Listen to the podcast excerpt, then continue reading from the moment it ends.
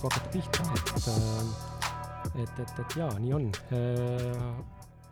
pumm-pumm-pumm-pumm ja tere, tere, tere, tere, tere tulemast kuulama Ausad mehed podcasti, mina olen Kris Kala ja mina olen Elis ausad naistest. Elis Liivaru Ausad naiste podcastist. et äh, väga äge, mul tegelikult oli täna plaanis äh, mm, võtta saatesse siia tegelikult rohkem kui üks inimene, ehk siis rohkem kui inimene, kes on mõeldud külaliseks olema.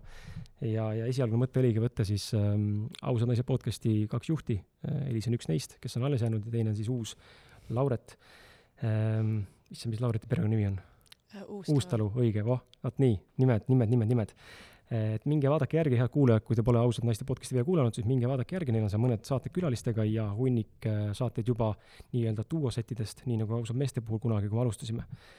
ja egas midagi, Elis, äh, sul on täna esimene kogemus selline jaa, aitäh Kris äh, kutsumast, et väga põnev, teistsugune, teistsugune nagu keskkond ja kõrvaklappidega ka, et nüüd saab kuulata enda häält nagu ma mõtlesin, et ma olen vastutav selle kahe podcast'i eest, siis täna nagu tehnikat tüdrukutele võimaldada ei jõua äh, puhtalt rahalise mõttesena, et olen omadega sellises seisus, kus ma olen täna ja siis äh, tundsingi, et mis, mis, mis ma saan premeerida, siis ma premeerin sellega, et te saate tulla kogemust nautida, nii et saate selle esimese touch'i kätte ja ja vaatame, äkki tekib klikk ja äkki saame teile ka mingi hetk selle stuudiotehnika nagu äh, võimaldada mm. -hmm.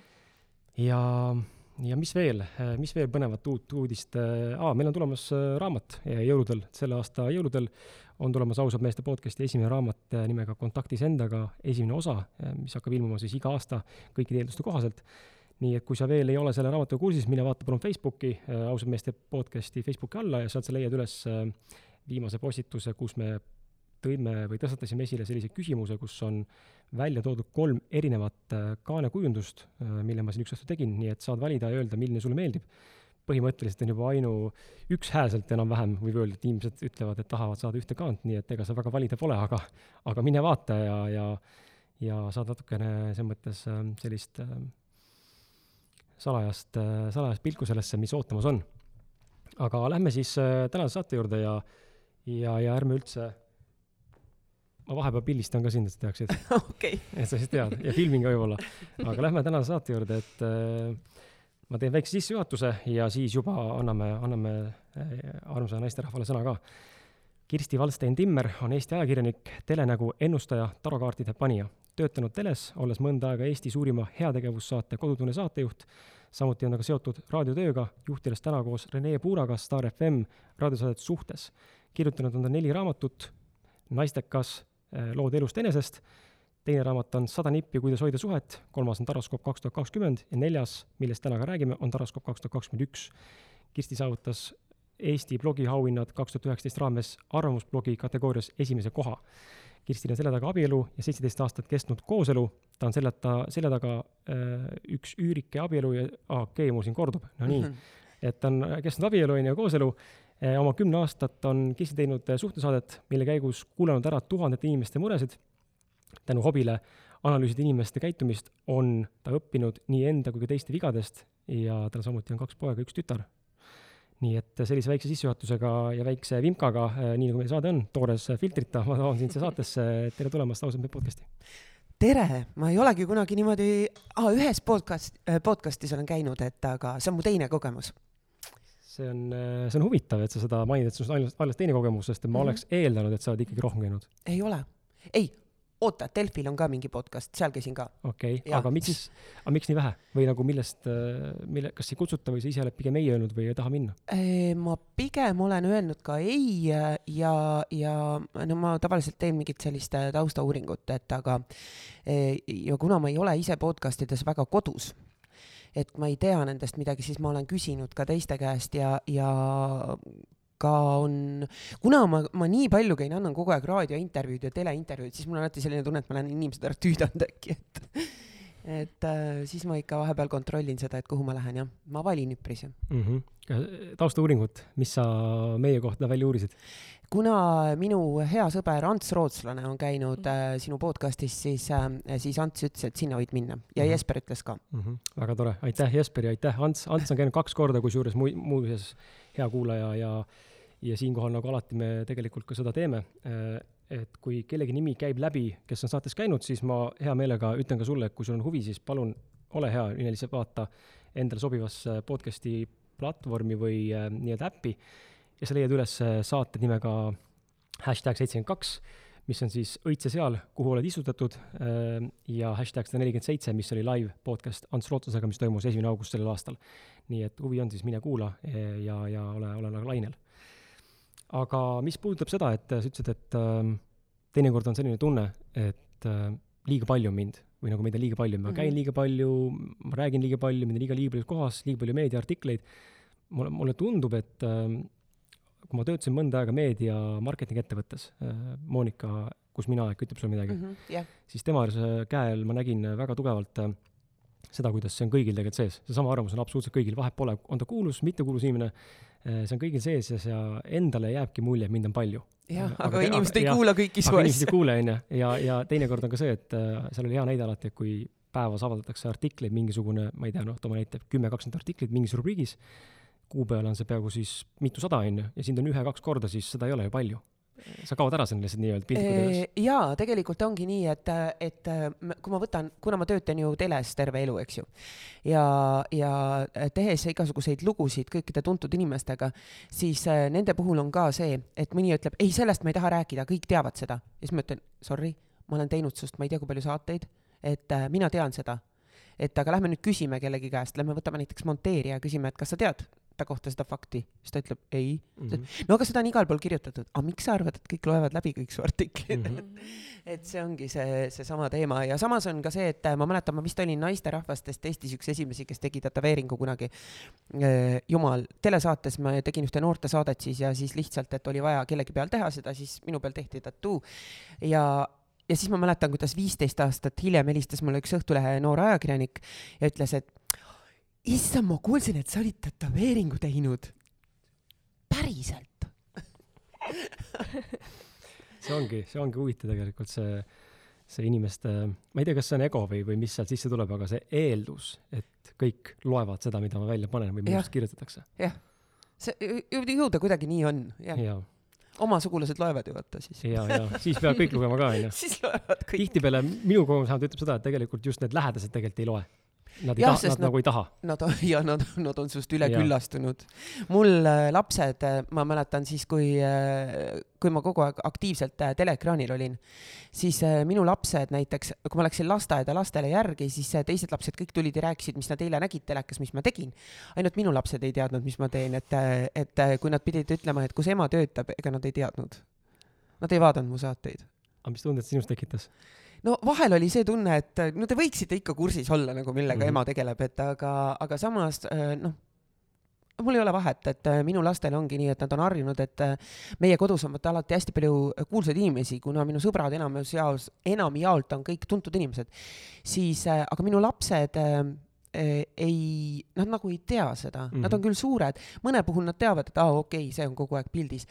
Aga, aga nende jaoks see kuidagi ei mängi rolli ja siis ma mäletan, kuidas mul äh, poeg äh, ühel korral ütles, kui oli näosaate vist viimane hooaeg, siis äh, minu juures ikka me vaatasime koos kõik saadet, et osalejast, osalejatega. ja, ja mm, kuna mul poeg ütles, et tal klassikaaslased ostavad pileteid ja käivad saate salvestust vaatamas, siis ta ütles, et pagan, ma võiks pühapäeva õhtuteks siia koju meile pileteid müüa, et saaks jumala hea hinnaga nad näevad kõik korraga ära ja saavad, äh, saavad ju tegelikult interact ida ehk suhelda sihuke väike paketimüük noortele tudengitele ja kooliinimestele mm. -hmm et mul, mul on poistel on pigem nagu see, et, et neid huvitab rohkem see, et kuna mul on Eesti ägedaim stilist, et siis on, et kui on vaja kusagile välja minna, siis et kuule, vitsid, helista Jörgenile, kas me saaksime minna temaga poodi? Aga see on huvitav, et äh, sa selle ära mainisid, et äh, lapsed või nagu Äh, lapsed siis nii-öelda väga ei oska nagu tähtsustada või tähtsustada üle seda, et inimesed on tuntud ja vähem tuntud mm. -hmm. mida me täiskasvanutena pigem hakkame mingeid tegema, onju, et ikkagi kui on tähtis, siis vaata ei julge läheneda või vastupidi, kui on keegi tähtis ja keegi on vähem tähtsam, siis võib tekkida mingisugune tõrge, ma ei, ma ei taha temaga suhelda mm. -hmm. mis minu jaoks on ka alati hämmastav olnud, et tegelikult ju inimesena kõik samad mm. -hmm. et äh, see, mis sa täna teed, lihtsalt on suurema nii-öelda repertuaari või ampluaaga ja suurema tähelepanu all, mis ei tee inimest otseselt mitte kuidagi nagu paremaks ega kehvemaks. kuigi ma arvan näiteks, et kui mu juures kodus oleks Eminem, siis mu noorem poeg kindlasti istuks seal jaa, ei muidugi, loomulikult, jah, see on juba teine kaliiber, aga noh, ikkagi point jääb samaks, aga jah, seal on ikkagi teine kaliiber juures nagu onju. et äh, jaa, see on huvitav. Äh, aga aga paneme rullima, meil on aega nii palju, kui et ma saan aru, et umbes poolteist tundi veel. paneme selle rullima, räägime siis äh, nii, nagu siin meil klassikaline küsimus tavaliselt on äh,, sinu teekond. Ja, ja kuidas sa nüüd tahad oma teekonda lahti rullida, täna loomulikult on su enda teha, mina sulle mingeid reegleid ette ei pane, aga mis, mis tunne tulle tahab äh, tulista?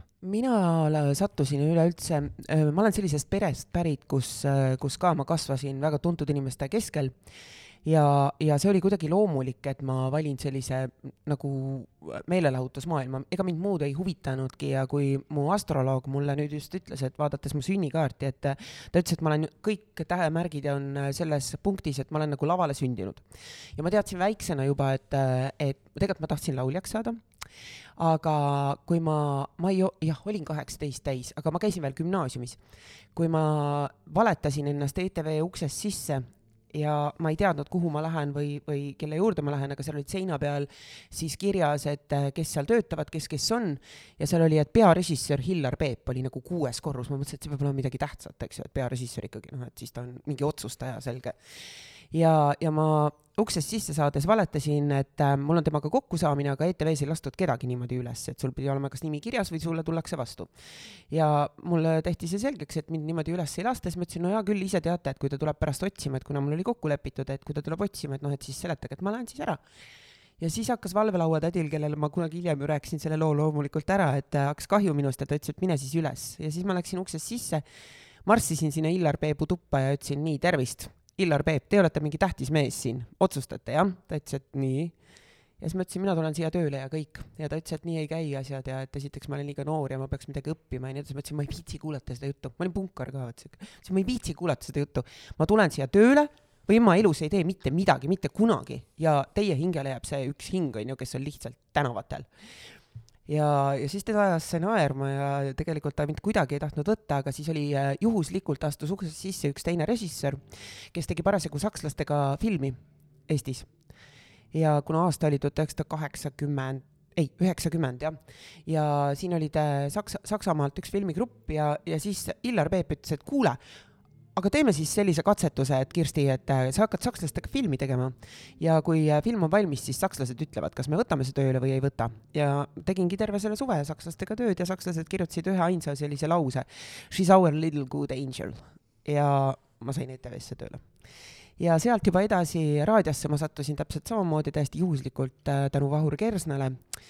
Ja aastal üheksakümmend neli ja nii see on kõik läinud, aga mis puudutab minu kaarditeekonda, siis see on kaasasündinud, see on juba, ma olen viies põlv, kes, meil kõik naised on sellised suguvõsas, et äh, sellest ei ole pääsu. Mm. -hmm siin on mitu teemat, kus kinni võtta, ma korra vabandan ka igaks juhuks, et te teaksite, et kui me kuuleme, sina kuulaja ja sealhulgas ka Kristi infoks, et kui sa kuuled taustal vahepeal muusika korraks, siis äh, me paraku täna salvestame ProGeari äh, ruumides ja meil tuleb sellega arvestada, et äh, all käib müügitöö, kui on klient, kes tahab äh, osta mingit süntesaatorit või mingit bassi, siis vahepeal pannakse lihtsalt muusikat, nii et no see on nagu helindamine, vaata, see on helindatud ka, nii et see on okei okay. et äh, meil on juba monteerimine laivis. Äh, sinu jõuline lähenemine tegelikult äh, tekitas minus huvi, et äh, see natuke mingil määral tundus olevat sellist nagu heas mõttes manipulatsiooni enda kasuks mm, -hmm, äh, mm -hmm. aga samal ajal väga jõuline lähenemine, et äh, kust äh, on selline julgus tulnud ja, ja miks, äh, miks inimesed võiks rohkem sellist jõulisust äh, välja näidata? ma olen alati olnud selline, et ma seisan enda eest, ma mäletan, ma koolis ka, minu põhiaeg kulus vaidlemisele õpetajatega ja ma mäletan, kuidas mu klassijuhataja, olgu muld talle kerge, teatas mulle ükskord, et tead, sina siin ei otsusta, sina teed, mida sulle öeldakse. ja see tekitas must sellise viha, et, et ma küsisin ta käest, et mis siis saab, kui ma lõpetan ära selle Westholmi gümnaasiumi, astun siit uksest välja kes mulle siis ütleb, mida ma tegema pean, et äh, siis ma olen ju nagu, nagu ma ei tea, selili kukkunud kass, et ma ei oska midagi teha, et, et tulen hommikul siit koolist läbi ja siis annate mulle korraldused või et seesama asi, paraku käib see siiamaani koolisüsteemis, et äh, sina siin ei mõtle, sina teed, mida sulle öeldakse, et äh, vot see on teema, millega tegelikult, mis ajab mind kohutavalt närvi ja minu arust tuleks kasvatada just ja toetada erinevust, äh, seda erinevat mõtlemist, seda julgust äh, äh, aktsepteerida neid õpilasi nagu täiskasvanud inimesi, et kasvatada nendel mõtlemisvõimet ja, ja ma olen kuidagi, mul on see kuidagi alati nii tundunud ja sellepärast ma kunagi võib-olla punkaritega suhtlesingi ja et see maailm seal oli kuidagi teistmoodi, sest see oli kõik sellise korra ja ja tolleaegse ühiskonna vastane. Ja ma, ma olen kuidagi alati aru saanud, et äh, kui ma ise ei tee, siis ei tee mitte keegi. ja kui ma midagi tahan, siis äh, pole olemas võimatuid asju. kui sa ei saa, siis tuleb, kui visatakse uksest välja, lähed aknast tagasi ja kõik, et äh, sa seisad nende asjade eest, mida noh, milleni sa tahad jõuda või kuhu sa tahad jõuda. et kui koogutada vaikselt ja öelda, et ahah, noh, sorry, et äh, no siis ei, mine, mine koju ja tõmba tekk üle pea. Elis, kas sul on äh, jaa äh,, selles mõttes koolisüsteemiga ka, et äh, see võtab tõesti lapsel selle loovuse ära. kõik tapetakse ära, jah? jaa, kõik tapetakse ära, et äh, näiteks noh, kunstitunnis ka, et, et mis värvi see, ma ei tea, tool on, on ju, ja no see on kindlalt roheline, aga teine, teine nagu laps näeb, et see on äh, noh, ma ei tea, lilla, on ju, aga see on vale, see on vale, on ju. et see võetakse nagu hästi ära, nagu mu poja, suurema poja inglise keele õpetaja on selline vanem proua, kes kirjutab e-kooli hüsteerilisi märkusi kuue hüüumärgiga ja suurte tähtedega ja kuidas äh, minu poeg vaatab tunnis aknast välja ja ta ei tee mitte midagi kaasa. siis mul on nii tahtmine, siin ei saa kahjuks nagu vastata, et kuule, tädi, su tund on igav järelikult. et äh, kui inimene jääb aknast välja vaatama inglise keele tunnis, neil on süvaõpe, et süvaõppekool, et kui äh, ta jääb inglise keeles aknast välja vaatama, siis on midagi väga valesti, et mine peegli ette.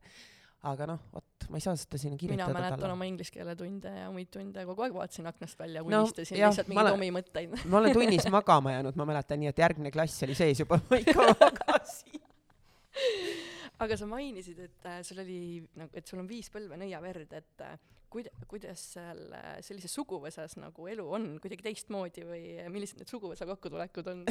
Meil ei ole suguvõsa kokkutulekuid ah., aga, aga ütleme nii, et äh, jaa, et meil ei ole probleemi, et kui on mingi ükskõik mis olukord, siis äh, kui sa ise ennast sellel hetkel ei usalda, siis küsid kellegi teise käest, et vaata, mis sellest saab ja vaata, mis see on ja ja osad meil on äh, sellised, kes eitavad, väga eitavad seda. Mm.. et sa võid ju seda eitada, aga noh, ühel hetkel see saab su ikkagi niimoodi kätte, et sul ei ole võimalik seda eitada, et äh, no kui sa näed surnud inimesi, siis sul ei ole võimalik öelda, et ei, ma ei näe neid, paned silmad kinni, no sa näed neid.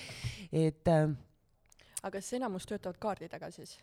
tead, tegelikult ega keegi nendest äh, rohkem nii ei tööta peale minu, mina, mina mm. töötan. aga neil on jah, see anne olemas, aga mitte kõik ei ole kaartidega, kes näeb, kes kuuleb, kes räägib pendliga no,. väga põnev seltskond Not normal aga nagu paneb mõtlema see, et okei okay,, et äh, sa ütlesid, et seda ei ole võimalik vältida, et varem või hiljem see saab sind kätte nii-öelda mm, -hmm. kui see on sulle mõeldud, ehk siis kas me siinkohal saame defineerida või rääkida nagu saatusest või mingisugusest ettemääratusest, et see saab siin varem või hiljem kätte, et see on nagu ette määratud mulle. jah ähm,, nii on ju. aga mis asi on siis nagu, defineeri enda sõnastusega palun meie kuulajatele lahti ja meile ka siin, et mis asi on siis nagu saatus ja kui palju on võimalik tegelikult meie enda valikutega võimalik seda mõjutada? Saatus on see, et tegelikult on nii, et kui me, ma tean, paljud inimesed panevad näpud kõrva, aga, aga kui me siia ilma sünnime, siis me seal enne siia oma uute kogemuste äh, hankimise, hankimisele tulemist äh, justkui kirjutame valmis kogu selle loo, mis meid siin ees ootab, kes on need inimesed, kellega me kohtume, kui kaua, need on justkui nagu lepingud, mis me teeme seal, kellega sul jäi millalgi midagi lahendamata ja nii edasi, et sa tuled siia tagasi. meil on äh, paigas täpselt kõik see, millal sa sünnid, millal sa sured, kas sul, kas sind tabavad rasked haigused või mitte, kas sa oled, äh, ütleme siis, äh, selline võimekas inimene või mitte et äh, see kõik on, äh, see kõik on meie sünnihetkel ammuilma teada. me valida saame asju, mis on nagu meie valikud, et kas ma lähen õpin Tartu Ülikoolis või ma lähen äh, õpin pedas või ma ei õpigi või et noh, kas ma tahan seal töötada või seal, et juhi omadused on ju ka mõnes mõttes arendatavad aga alati mitte. X-faktorit sa inimesele külge ei poogi, eks mm -hmm. ju, et kas tal see on või ei ole. ja, ja see ongi see, et neid asju me muuta ei saa, sa võid püüda, sa võid tahta, sa ei saa seda muuta.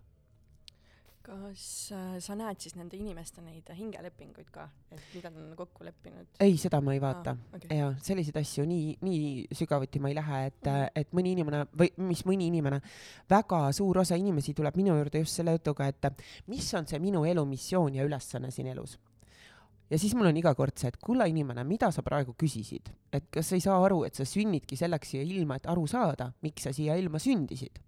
et see on sinu töö ja sinu ülesanne, kui mina ütlen sulle selle ette, siis mine hüppa siinsamas, ma elan Tondi raudteejaama lähedal, et mine hüppa rongi alla ja noh, that's it, sul ei ole mõtet ju rohkem midagi teha.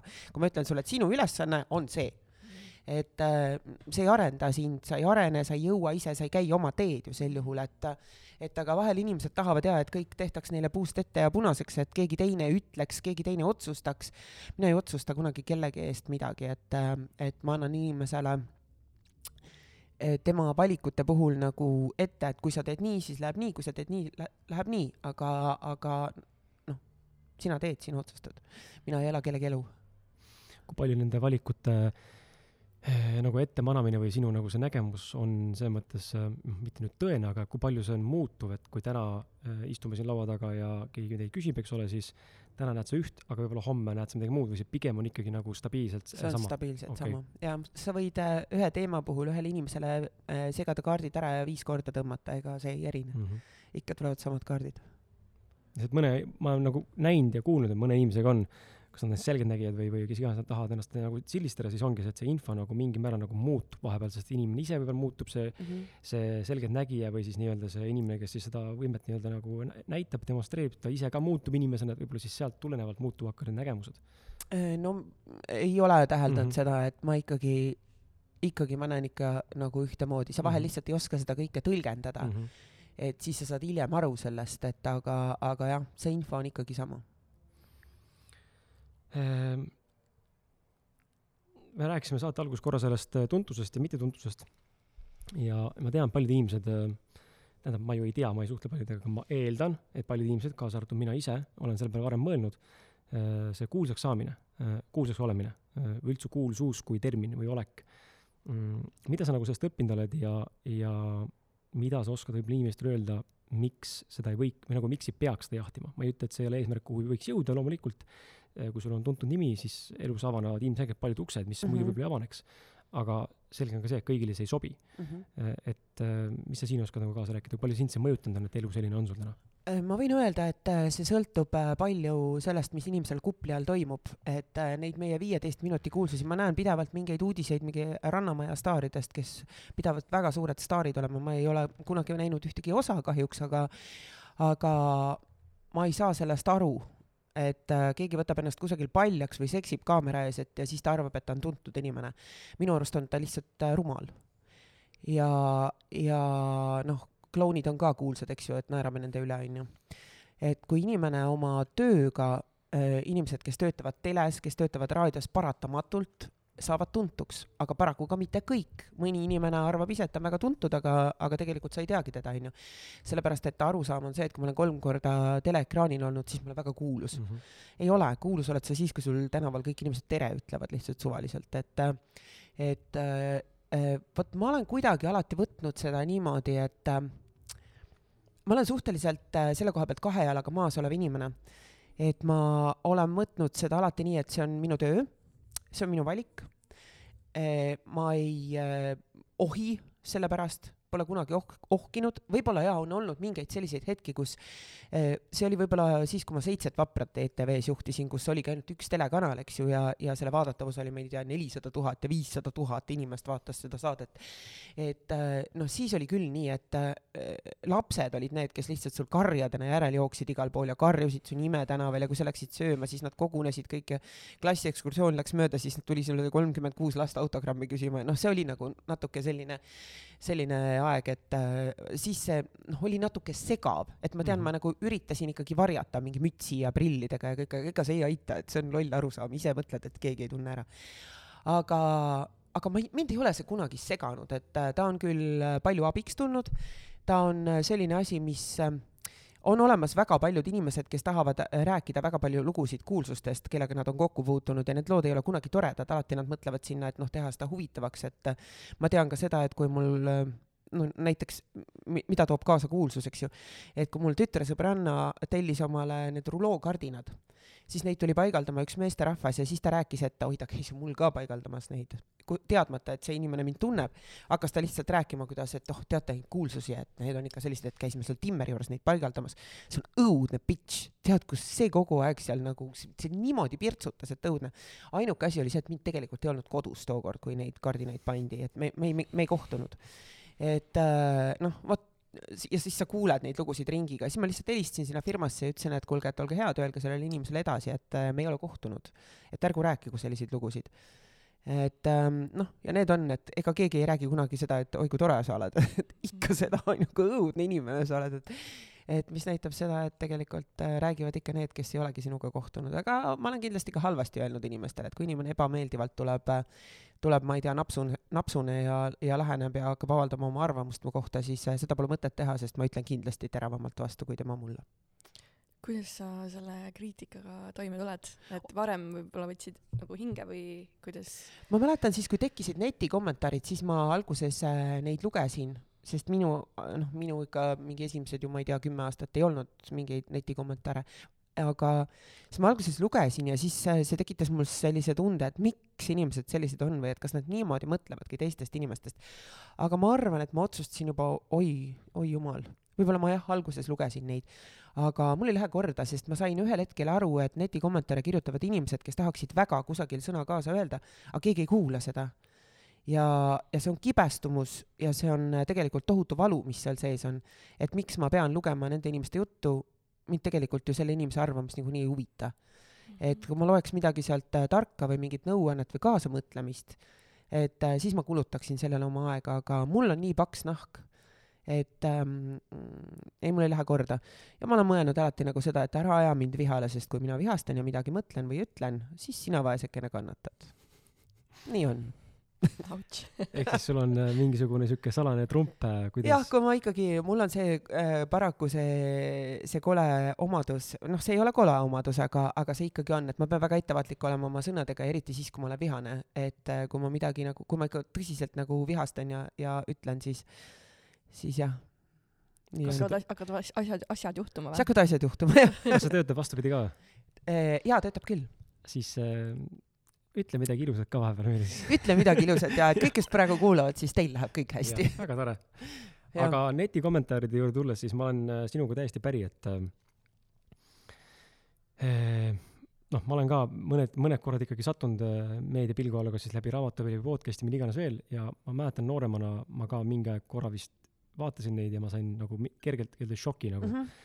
Ma olen ka selles mõttes kõva, kõva soomusega, loomulikult see ikkagi mingi hetk läheb hinge, kui ikka väga sitasti öeldakse või nagu mingeid täiesti jaburaid asju välja öeldakse, aga ma sain aru mingi hetk, et seal on tõesti väga katkised inimesed. ja, ja sest et no mõtle nüüd peaga, et kas sa ise, kas sinul on see aeg ja kas sul on see tahtmine, et sa loed läbi mingi artikli ja sa lähed, avad selle kommentaariumi ja hakkad kirjutama, et see inimene on värdjas, mhm. debiilik mm, -hmm. idioot ja nii edasi.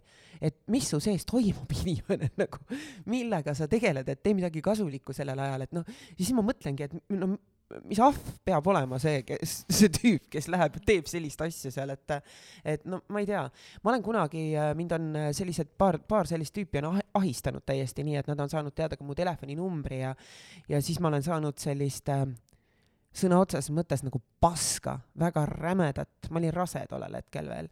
Ja minu sündimata lapse kohta kirjutati seda. Ja siis ma palusin politseilt abi ja, ja, ja ma sain selle abi see tüüp kutsuti välja, siis ma nägin seda inimest. jah, politsei ei saanud seal küll midagi teha, eks ju, kuna ta mul tapmisähvardust ei olnud äh, teinud, aga ma võtsin kaasa paar sellist sõpra, kelle puhul, kes olid siis ka seal ja talle öeldi, et noh, et midagi teha ei saa, siis ta naeris mulle näkku. aga siis ütles uurija talle, et aga sa mine välja siit majast. et seal me sind ei kaitse. ja siis äh, minu sõbrad sõitsid talle järgi koju. ma ei tea, kuidas ta bussi pealt maha sai. me päriselt ei näinud, võib-olla ta on siiamaani seal tooli all pikali aga, aga vot jah, nii on. Mul on praegu muuseas suhtes saates üks selline tüüp, kes kirjutab iga kord, et kuidas tal isegi piim tõmbub kohvi peal klimpi, et kui ta nii vastikut häält kuuleb nagu mul ja kuidas ta mind vihkab. ja siis, ja siis ta kirjutas ükskord mulle seda, et et äh, kuidas me oleme lihtsalt nii vastikud inimesed seal eetris ja nii edasi, aga mu telefoninumber on see, et kui tahad õhtul välja minna, helista mulle see ei, see on, see on huvitav, see on huvitav tegelikult. ebastabiilsus. täiesti, kuidas inimpsühholoog nagu töötab, et, äh, et jaa.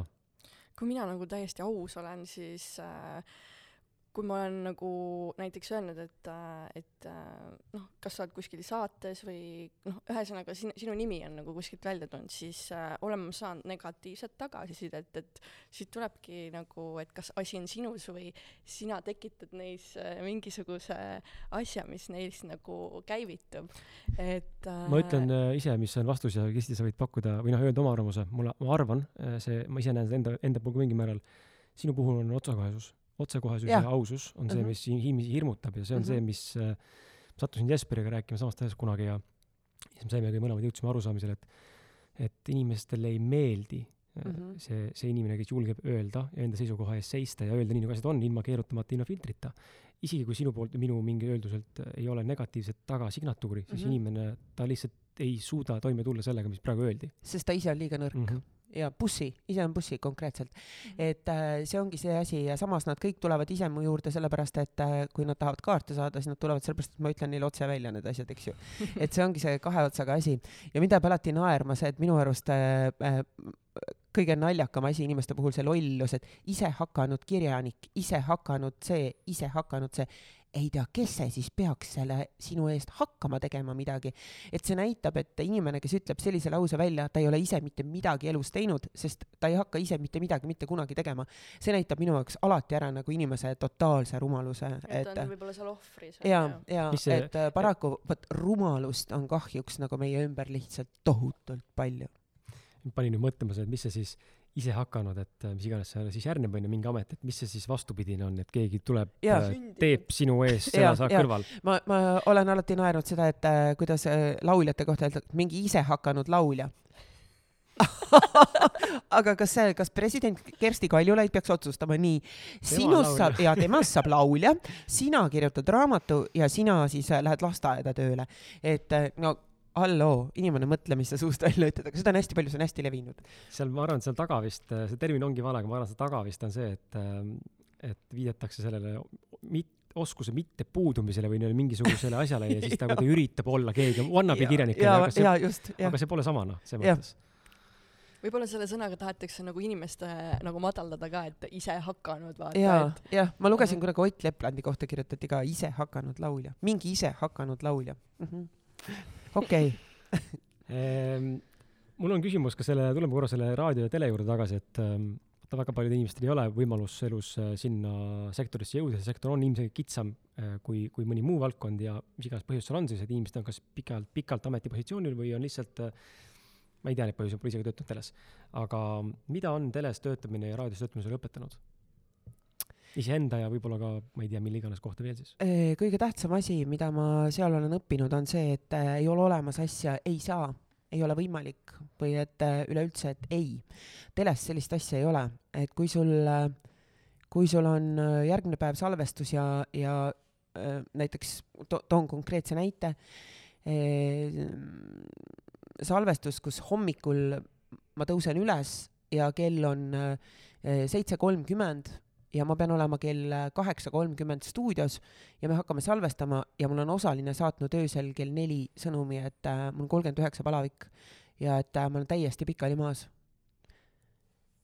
sul ei ole võimalik see, et nüüd jääb salvestus ära või midagi, sa helistad seitse kolmkümmend, kõik oma tuntud tuttavad läbi ja ütled, nüüd ei ole midagi teha, onju, kes on vähemalt äh, Tallinnas olemas lähedal, tõused püsti, ole hea, tule, et äh, päästa olukord välja ja kõigega tuleb hakkama saada, ka igasugustel viimastel minutitel, kui sul on vaja, no äh, toon näite, et näosaates äh, selgus mingi kaks päeva vist enne meie finaali, et on vaja Titanicu laeva nina lavale. siis meie tegevprodutsent terve päev rippus telefonitoru otsas, aga seda on vaja tasuta. ja finaalis oli meil Titanicu laeva nina oli tehtud laval, nii et, et sa pead need asjad kõik välja ajama ja sul ei ole võimalik mitte kellelegi mitte kunagi öelda, et kuule, ei saa. ei ole olemas asja, ei saa. ja, ja teine asi on see, et, et ähm, mida see on nagu õpetanud mulle või andnud äh,, kõige tähtsam asi, mul kõik tuttavad teavad, ma ei jää mitte kunagi mitte kuhugi hiljaks sest et kui sa töötad raadios, siis mida mina olen terve elu teinud ju ka, eks ju, siis seal algab kõik sekundi pealt et kui see ei ole võimalik, et umbes, kuule, ma olin ummikus või mm -hmm. äh, mille, mille puhul ma alati inimestega kokku lepitud ajal, kui mõni jääb hiljaks, et ah kuule, ummikud oli, aga sa muidu ei tea, et on ummikud sellel kellaajal või? tule varem välja. et ma ei kannata, minu jaoks ei eksisteeri nagu ajalisi vabandusi, et aeg on inimese kõige kallim vara ja kui sa teise inimese aega suhtud lohakalt, siis sa suhtud tervesse ja. ellu lohakalt, eks ju. ja enda aega ka. ja kui sa jääd ühte kohta viis minutit hiljaks, siis sa lükkad selle inimese terve päevakava edasi viis minutit, millega seoses ka kõikide nende inimeste päevakava, kellega tema kohtub, eks ju, mis näitab seda, et sa oled vastutustundetu inimene. ma olen väga karm nende inimestega, kes lepivad minuga kokku kellaajaliselt või noh, nagu kohtumise ja jäävad näiteks kümme minutit hiljaks, tulevad, tulevad kaarte saama, ta jääb kümme minutit hiljaks siis ma, siis ma iga, ma, ma mitte kunagi ei lähe ühegi minutiga üle, ma olen öelnud, et see on sinu aeg, sina maksad mm. -hmm. see punktuaalsus ja, ja üldse selline täpsus tegelikult on hästi oluline, see näitab tegelikult väga palju inimese kohta, et mm -hmm. seal on see kohustustunne ja nagu ütlesid, ka see vastutus, et see impact, mis sinu viieminutiline hilinemine või mingi muu tegemata tegemine tegelikult mõjutab omakorda veel hunnik inimesi meie ümber, see jada ja nagu see ahel on päris suur et kui inimesed selle peale suure, kui inimesed suudaks nagu seda suuremat pilti selles kontekstis näha või üldse erinevate valdkondade puhul suuremat pilti näha, siis ma arvan, me teeksime palju produktiivsemaid ja nagu ja. paremaid valikuid. jah, see, see tohutu hilinemine ja see lohakus ajaga ümberkäimisel, see on kohutav mm. -hmm. paljud mõtlevad enda peale. ja, ja mm -hmm. mõni ütleb, aga ma lihtsalt olen selline inimene. no siis sa oled lihtsalt teisi mitte austav inimene mm. -hmm. Ehm Elis, kas sa soovid midagi küsida vahepeal? tuli küll vahepeal, aga mul läks meelest ära nüüd ma küsin ise siis, mis on olnud sinu elus kõige suurem kannapööre? kõige suurem kannapööre, oot-oot-oot, ma nüüd mõtlen, ma arvan, et äh, punkt üks on see, et äh, kui ma kunagi olin täiesti veendunud, et ma olen ühe lapse ema, mul on neid kolm, et äh, see oli kindlasti minu jaoks üks tohutu kannapööre või ütleme, minu enda jaoks, minu enda põhimõtete jaoks ja teine oli vast see, et äh, kui ma ühel hetkel otsustasin, et ma ikkagi hakkan inimesi aitama, sest et äh, noh, tegelikult minu puhul on nii, et kui ma ei aitaks inimesi, ei võtaks vastu neid, siis, äh, siis see käib minu tervisele. ehk et ma olen sunnitud seda tegema, sest kui sul on selline anne antud, sa pead seda kasutama, et seda ei anta niisama ja võib-olla see väga suur kannapööre oli, ma arvan, minu pikaajalise kooselu siis lahutamine, no meil ei olnud, me ei mm -hmm. olnud abielus, aga see lahkuminek ja see, et äh, võtta kõik nagu enda õlgadele, enda vastutada, et äh, ma arvan, see jah. aga tulles selle kannapöörde juurde, miks ma küsisin, sellepärast et missugust nõu oskad sa inimestele anda, et just nendele inimestele, kes on tupikus täna, neil on mingi teelahkme ees ja mingi ristmikil on vaja teha kannapööre, nad isegi võib-olla teavad, mis teha tuleks, aga mm -hmm. nad ei tee. kust võtta kokku endasse julgus ja, ja võib-olla ka vastutus ja kõik asjad muud otsa, et kuidas ma suudan nüüd selle päriselt ära teha, sest väga tihti meil on info, meil on teadlikkus, meil on olemas äh, mis iganes veel, aga me ei pane asju praktikasse, me ei rakenda neid asju. hirm on see, mis tagasi hoiab et äkki ma ebaõnnestun, äkki mul ei lähe läbi, äkki pärast äh, kahetsen. et äh, seesama, see see hirm hoiab nii paljud ägedad asjad sündimata. Eh, inimesed kardavad, et eh, neil ongi see, et kui ta ei tea, mis edasi saab, siis ta, siis ta kardab. ja tegelikult on nii, et ainuke asi, mis edasi ei vii, ongi see hirm ja see kartus. et tegelikult tulebki, mida suurema kannapöörde sa oma elus teed, seda, seda ehedamalt see ju kõik toimima hakkab. sellepärast, et kui sa oled juba sellises olukorras elus, kus sa pead tegema kannapöörde või tunned, et sa pead tegema kannapöörde ja sa juba mõtled selle peale, see tähendab seda, et sinu elus ongi määratud ette see, seesama see kannapöörde koht, ega see muidu sulle pähe ei tule. et äh, siis sa järelikult pead seda tegema ja vinduma jääd sa siis, kui sa seda ei tee, sest sa töötad oma saatusele vastu ja siis tuled sa järgmine kord, järgmise hingena uuesti sedasama õppetundi saama siia ilma. et äh, sest sa ei õppinud ära seda, et äh, meile antakse kogu aeg märke, kogu aeg antakse vihjeid, võta ja loe ja haara nendest kinni. ja kui sa ei näe seda ja ei kuula seda enda sisemuses, siis sa töötad enda vastu. et kui sa juba tunned, et sul on elus vaja mingit suurt muudatust teha, siis aja selg sirgu ja tee. mitte kunagi ei tule seda hiljem kahetseda, et me kahetseme ikka seal surivoodil neid asju, mida me ei teinud mm. -hmm. et ähm, kui sa ei ole oma eluga rahul, siis tuleb teha muutusi. et äh, lihtsalt äh, kuidagi ära vegeteerida ja mõelda, et noh, äkki ühel päeval läheb paremaks või mulle ongi nii määratud, see on tavaline. ei no mina olengi loodud siia kannatama. ei ole, sa lihtsalt ise oled valinud selle kannatamise aga tulles selle saatuse juurde tagasi, siis kas on võimalik, et mõnel inimesel ongi saatusesse määratud, et ta ongi mõeldud kannatama tegelikult ikkagi? jah, mõni inimene ongi mõeldud kannatama, et äh, ju siis äh, on tema oma, oma eelnevas elus teinud midagi sellist mm, -hmm. mille eest tema sel, selles elus maksab. aga oma valikutega selles stsenaariumis ennast nii-öelda väga mida, mõjutada ei saa siis? mida parem inimene sa oled ja mida rohkem sa teistele head teed või, äh, või kuidagi nagu teis-, teistesse lugupidavalt suhtud, seda vähemaks sinu kannatust ja karmat võetakse mm. -hmm. Äh, meie üks elu suurimaid osasid ja olulisemaid osasid on suhted mm. -hmm. et vaadates, äh, mis raamatuid sa oled välja andnud ja kus sa praegu raadios ka noh, mis, mis saadet sa teed, on ju, et tundub, et see on sulle väga südamelähedane teema, et et kus äh, tuli nagu see huvi sellest, kas see tuli juba teismeeas või äh, miks see sind niimoodi kõnetanud on? või kas sa alati... tahaksid üldse olla mingi suhtekoolitaja tulevikus? Ei, ma ei tea, ma ei tea, ma ju tegelen sellega peaaegu iga päev, selle suhte mm -hmm. koolitamisega, eks ju, et yeah. nende inimestega, kes minu juures käivad. aga, aga ma, ma olen lapsest peale armastanud jälgida inimesi kuidas inimesed käituvad mingis olukorras ja ma õppisin ise kuidagi jälgima inimeste kehakeelt. ma olen lugenud psühhiaatria õpikuid kunagi lihtsalt huvi pärast. et mul on nagu see inimeseks olemine ja see inimese äh, loomus ja tema käitumine mingites olukordades lihtsalt alati kuidagi huvi pakkunud, et, äh, et mul, kui mul on vaba aega, näiteks suvel ja on ilus ilm, siis ma lähen tavaliselt istun kusagil vanalinnas mingis kohvikus võtan kohvi ja jälgin lihtsalt inimesi, see on, see on nii äge. või üleüldse, kui sa kusagil teises riigis käid või, või lihtsalt suvel, kui sa kusagil istud. Pärnus näiteks äh, sel suvel ma istusin äh, lihtsalt tänavakohvikus ja vaatasin, no nii äge, tulevad sellised kaks vanemat prouat, näha, et lähevad kuhugi välja õhtul. soengud peas, meigid tehtud, kahekesi arutavad, võtaks ikka täna mingit seda šampanjat nagu sa kuulad seda, see on nagu nii armas või siis sa mõtled nendele seal need mingid lood juurde või mulle see väga meeldib jah, siis sa mõtled, et millist elu ta on elanud ja mm, -hmm. ja, ja et, et näed, et vaata selline proua, et läheb õhtul välja, ta on nii sätitud ja kena ja mul, mulle jah, see meeldib. ja mulle meeldib nagu vaadata ka seda, kuidas inimesed on nagu iseennast milliseks elanud ka oma vanuselt, et sa vaatad noh, mul vahel tuleb mõni inimene, keda ma hakkan teietama, sest mulle tundub, et ta on minust palju vanem ja siis selgub, et ta on minust mingi viisteist aastat noorem näiteks, et et siis sa küsid, et aga miks sa selline mutt oled et kui sa oled mingi, ma ei tea, pole nelikümmendki veel, aga näed välja nagu seitsekümmend, et ma sind teietan, nagu miks sa selline mutt oled, miks sa oma elu ei austa nagu, et jah. ja see ongi see tohutu otsekohesus, siis ta läheb mm -hmm. võib-olla nutab pärast ja ütleb, et see Timmer on üks õudne inimene onju, aga, aga võib-olla mõtleb peale seda. aga võib-olla paneb mõtlema just, sest tihtipeale ju me näeme inimeste juures seda, et tihtipeale need kõige valusamad väljaütlemised tegelikult võivad panna just raputada, panna mõtlema. ja, ja ma olen viinud inimesi peegli ette ja öelnud, et, et kui ikkagi on kellelgi mees ta maha jätnud ja siis, siis vaatad seda naist ja siis viid ta peegli ette ja ütled, et aga vaata ennast, et kui me läheksime sinuga koos välja praegu, istuksime ja sina ei tunne oma meest, näiteks täitsa võõras inimene on ta sulle ja ta tuleb uksest sisse, kas tema pilk jääb sinu peale? Kas sa ise vaataksid sellist naist, et oled sa ahvatlev? noh, siis nad nutavad.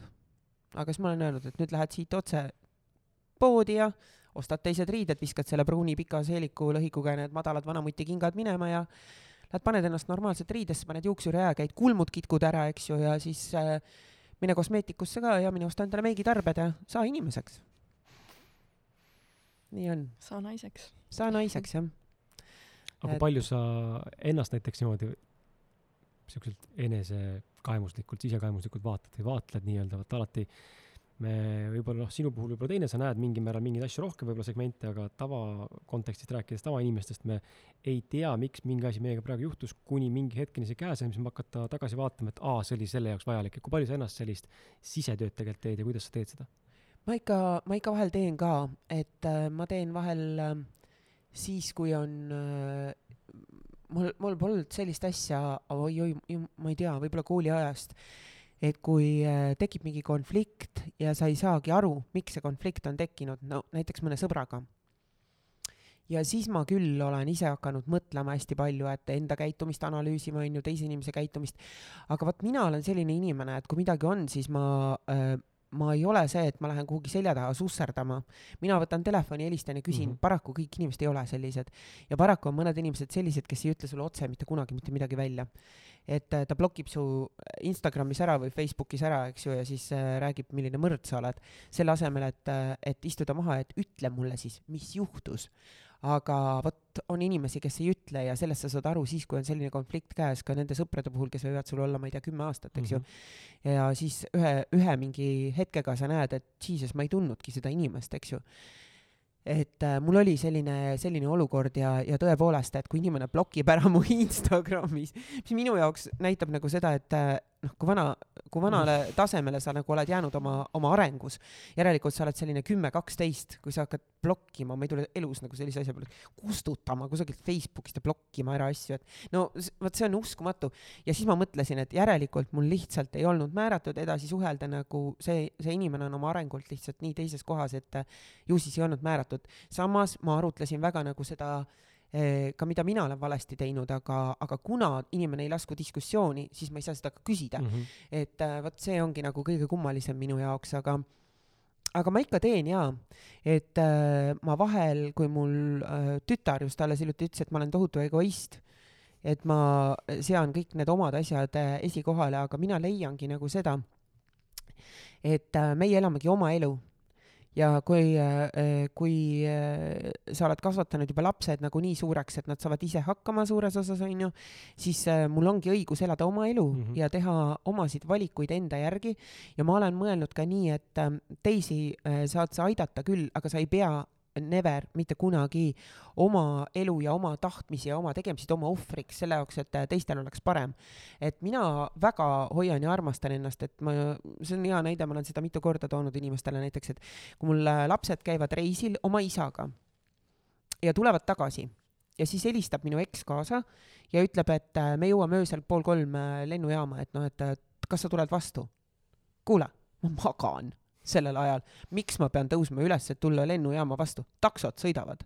sõidad taksoga, tood lapsed koju ja kõik on okei okay. et äh, ma ei pea selleks üles ärkama mm, -hmm. et tulla lihtsalt sõita sinna ja sõita tagasi. milleks? et äh, tänapäeval on kõik mugavused selleks loodud ja siis ma lähen hommikul magamata tööle või? ei et äh, ma lihtsalt äh,, inimene peab ennast armastama ja kui sa iseennast ei armasta, ei armasta sind teised ka.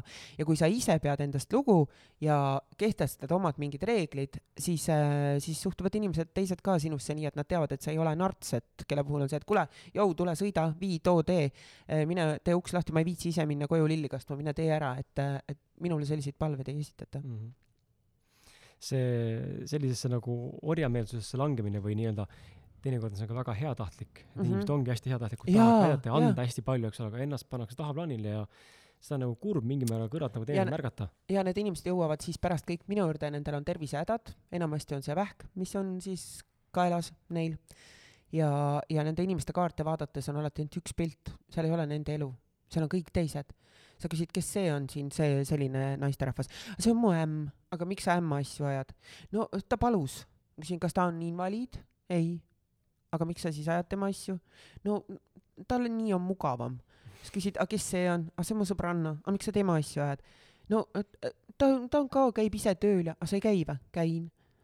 no ja nii edasi mm. -hmm. ja siis nad ongi see, et nad on tegelikult väsinud, neil ei ole energiat, onju, aga nad tahavad kõigile head, head olla ja nad ei julge öelda ei, sest arvavad, et siis, siis teda peetakse, ma ei tea, ebaviisakaks inimeseks. tegelikult ei ole.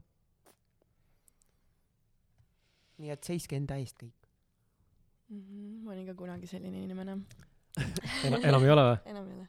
õige. Äh, sa mainisid, et sa ammutad energiat äh, ja väge surnuaiast mm. -hmm.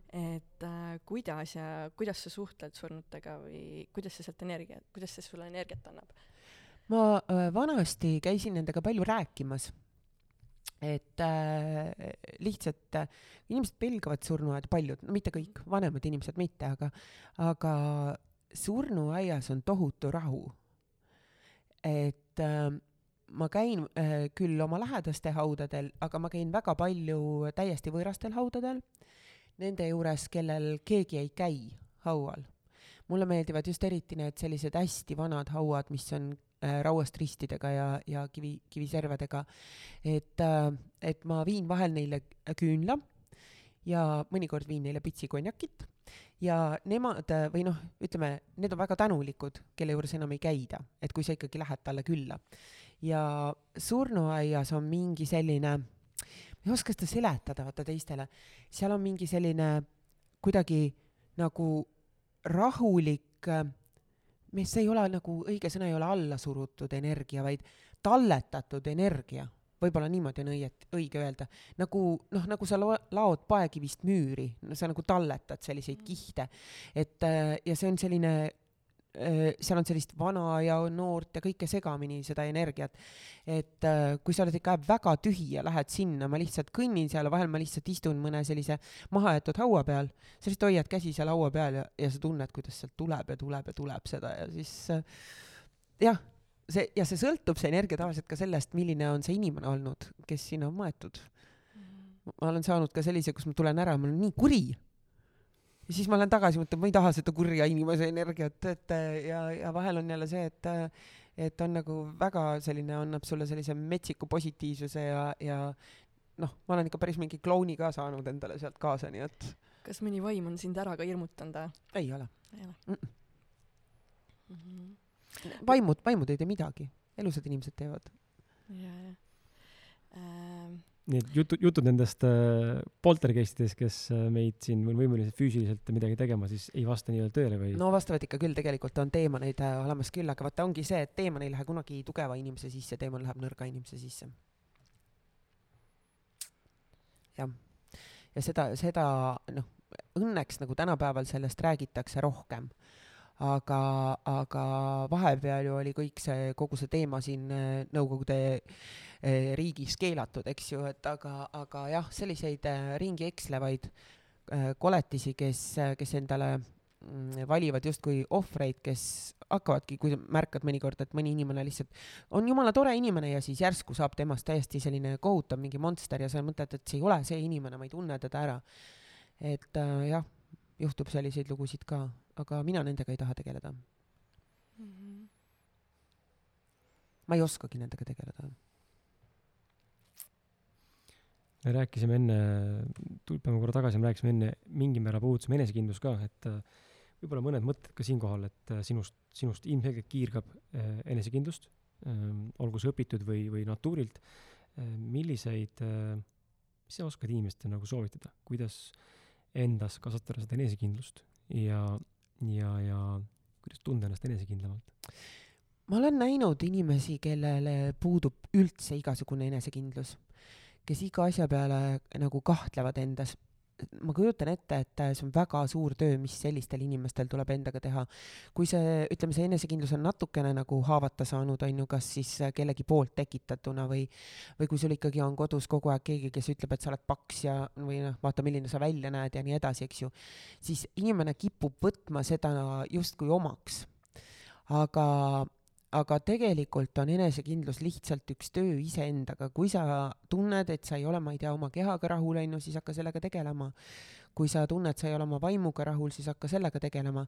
ja kui sa tegelikult ise tunned, et sa oled nagu kõigega rahul, aga keegi kogu aeg surub sind allapoole, siis tuleb lihtsalt äh, endale pidevalt korrutada seda, kuidas, kuidas sa ennast armastad ja miks sa armastad. või siis, kui sa ei tea näiteks noh, nagu millega tegeleda, võta, võta paber ja pliiats, pane sinna kirja ühele poole, mis sulle enda juures meeldib, nagu ausalt, ja teisele poole pane kirja ausalt, mis sulle ei meeldi ja hakka nende punktidega vaikselt tegelema.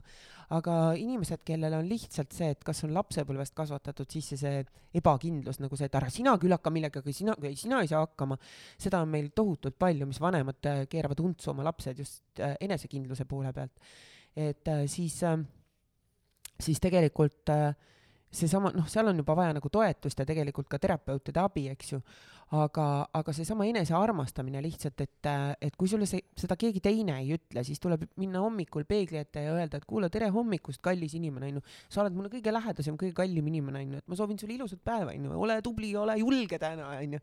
tee midagi, millega sa ennast ületad täna, et need võivad olla pisikesed sammud, et, et nendega pihta hakata, et, et inimene peab iseennast kõige rohkem armastama, sest et äh, sa ei saa öelda, et sa armastad kõige rohkem maailmas oma lapsi, eks ju, sest et kui sind ennast ei ole või sa oled katki, siis mis armastus see on, mida sa oma lastele suudad anda või noh, see jääb poolikuks. sa pead kõige rohkem hoolitsema selle eest, et sa ise oled terve, tugev, vaimselt tugev ja iseendaga rahul, sest et siis sa saad ka neid lapsi armastada niimoodi. et mina oma lastele ütlen ka nagu alati seda, et et ma olen mõelnud nagu, et ma kuidagi nende enesekindlust ei kõigutaks või, või kuidagi nagu ei, ei laskuks sinna neid alla tõmbavale teele, et kui, kui mul näiteks poeg saab koolis F-i, siis ma ei hakka karjuma ja kisama seal kodus, et nüüd on paanikaosakond. siis ma ütlen lihtsalt, et küsin, et mis see põhjus oli, kas see oli selles, et ta ei õppinud, kas oli seal mingi muu asi, kas ta noh, oli kuidagi töö teistsugune ja, ja me lepime lihtsalt kokku, et millal ta selle järgi teeb, et aga ma ei tekita sellest kunagi mingit jama või, sest ma olen ise nii palju neid kahtesid seal koolis saanud, et mm -hmm. kui iga kord ema oleks mingi jama tekitanud, siis ma ei tea. et äh, ja, ja kunagi ei ole nagu, mida anda tuleb lastele ka, et, et üldse see tuleb põlvkond oleks nagu tugevam ja enesekindlam, et äh, mitte kunagi ei ole liiga palju armastust ja hellust, öeldakse, et hellitad lapse ära. last ei ole võimalik ära hellitada, mitte kunagi. et äh, elu ei paku nii palju seda armastust talle, et sa pead selle vundamendi kasvatama, et ta suudaks tulevikus kogu selle jamaga toime tulla tahtsin just äh, öelda seda, et äh, täna ma tunnen äh,, kuidas nii-öelda armastusel on selline kaitsevägi, et ma ise tulen ka mitte kõige paremast nii-öelda perekonnast, onju, et ma täna näen, et kui mul on väga tugev nagu enda sisekõne ja end, ennast armastan, siis mm -hmm. on väga suur kaitse ja ei tulegi need teemonid ja need mm -hmm. halvad mõtted, millest mm -hmm. me siin ennem rääkisime, ka nagu ligi ja sulle ei lähe korda, mida teised ütlevad, sest et sa ise tead, kes sa oled, eks ju. Mm -hmm.. vot see ongi kõige tähtsam asi, see, et äh, ma vahel naeran, et äh, mõni, mõni kirjutab mulle mingi väga koleda mingi kirja ja sõimab mind igatpidi, siis mind ajab nii naerma, ma kirjutan talle vastu, et mul on väga kahju, et sa kulutasid oma aega, sest et äh, mina tean, kes mina olen, et sul ei ole vaja mulle midagi öelda, et sina ei tunne mind, me ei ole kunagi kohtunud, eks ju. et ära kuluta oma aega tühjale tähle, tähjale, et parem tegele sellega, et olla ise parem inimene, et äh, sinu kohta keegi nii ei ütleks kunagi. et äh, vot see ongi see asi, et äh, sul ei saa keegi midagi öelda, sul on nii ükskõik sellest nagu, nagu tobedusest. teine praktik-, noh, praktiline viis, kuidas sellistele kirjadele või asjadele nagu läheneda, ma olen tähele pannud, et ja nüüd rakendama hakanud ka, ma pole veel tulemust teada saanud, pole temaga suhelnud inimesega mm, -hmm. aga on vaikus mm -hmm. ehk siis sa ei vastagi mm. -hmm. sest et kui sealt läheb mingi aeg mööda, siis see inimene, kes kirjutas mingisuguse vihakõne või mingi vihakirja, siis noh, ma julgen arvata, et äh, omast kogemusest lähtuvalt ka paratamatult ma hakkan mõtlema, et oot-oot, ta pole mulle vastanudki, et äkki ta ei ole lugenudki seda? äkki ma lugenud enne või luges enne, aga äkki ma kirjutasin ikka midagi imelikku, et ei vastanud mulle, äkki ma solvasin, ma lähen vaatan oma kirja uuesti mm. -hmm. ja talle jääb meelde ainult tema enda vastus või enda mm, -hmm. enda kirja mõtted ja see jääb talle ruineerima. ja varem või hiljem siis noh, kui on vähe vähegi intelligentsem inimene, siis ta jõuab järeldusele, et perse ma tegin natuke lii-, liiga võib-olla onju mm. -hmm. et see vaikus teinekord ka aitab, aga see võib-olla ajab ka marru inimesi teist, teistpidi jälle mm. -hmm ajab, ajab, siis ta saadab uue kirja sulle, kas sa ei saanud kätte seda eelmist. Urmas Ott ütles selle kohta, õpetas mind kunagi, et ta ütles, et kui äh, sinu poole, ma olen seda ühe korra elus kasutanud, et kui sinu poole pöördub ajakirjanik äh, väga lolli küsimusega või kui keegi ütleb sulle midagi väga halvasti, ütles, et äh, siis küsimuse peale ütle lihtsalt, et väga huvitav küsimus, kas ise mõtlesite välja ja teine asi, et kui keegi ütleb sulle midagi väga halba, siis, siis ütle ka, et hmm, väga tore, kas need on su enda mõtted mm. -hmm. see paneb, see on nagu kohene nagu selles mõttes äh, heas mõttes sihuke vastu nagu pritsimine, aga väga intelligentselt, seda paneb mõtlema. jaa, see on nagu see lause, et inimene tuleb, vabandust väljend sellest, inimene tuleb perse saata nii, et ta jääb seda teekonda ootama mm. -hmm. väga hästi öeldud Sa-, saate pealkirjaks, jah jah, noh, võib öelda ka põrgusse. see perse müüks rohkem perse müüb rohkem, jah. rääkides lastest korra, mul on, äh, mind väga paelus sinu üks postitus, kus sa, ma seda sisu väga põhjalikult edasi lugenud, ma nägin seda pealkirja mind äh, ja ma tahtsingi, vastaksid siin sellele küsimusele. sa oled öelnud, äh, et vastsündinud laste pilti ei tohi sotsiaalmeediasse panna mm. -hmm. miks? sellepärast, ma küsin sellepärast, et ma ise olen täna sellises seisus, laps on kaheaastane, natuke rohkem ja me oleme otsustanud mitte ühtegi pilti avalikult kuskil jagada. kui ta isegi, on, siis ta on kas seljaga või ta pole mitte üldse, et me nagu ei näita teda lihtsalt. targad inimesed.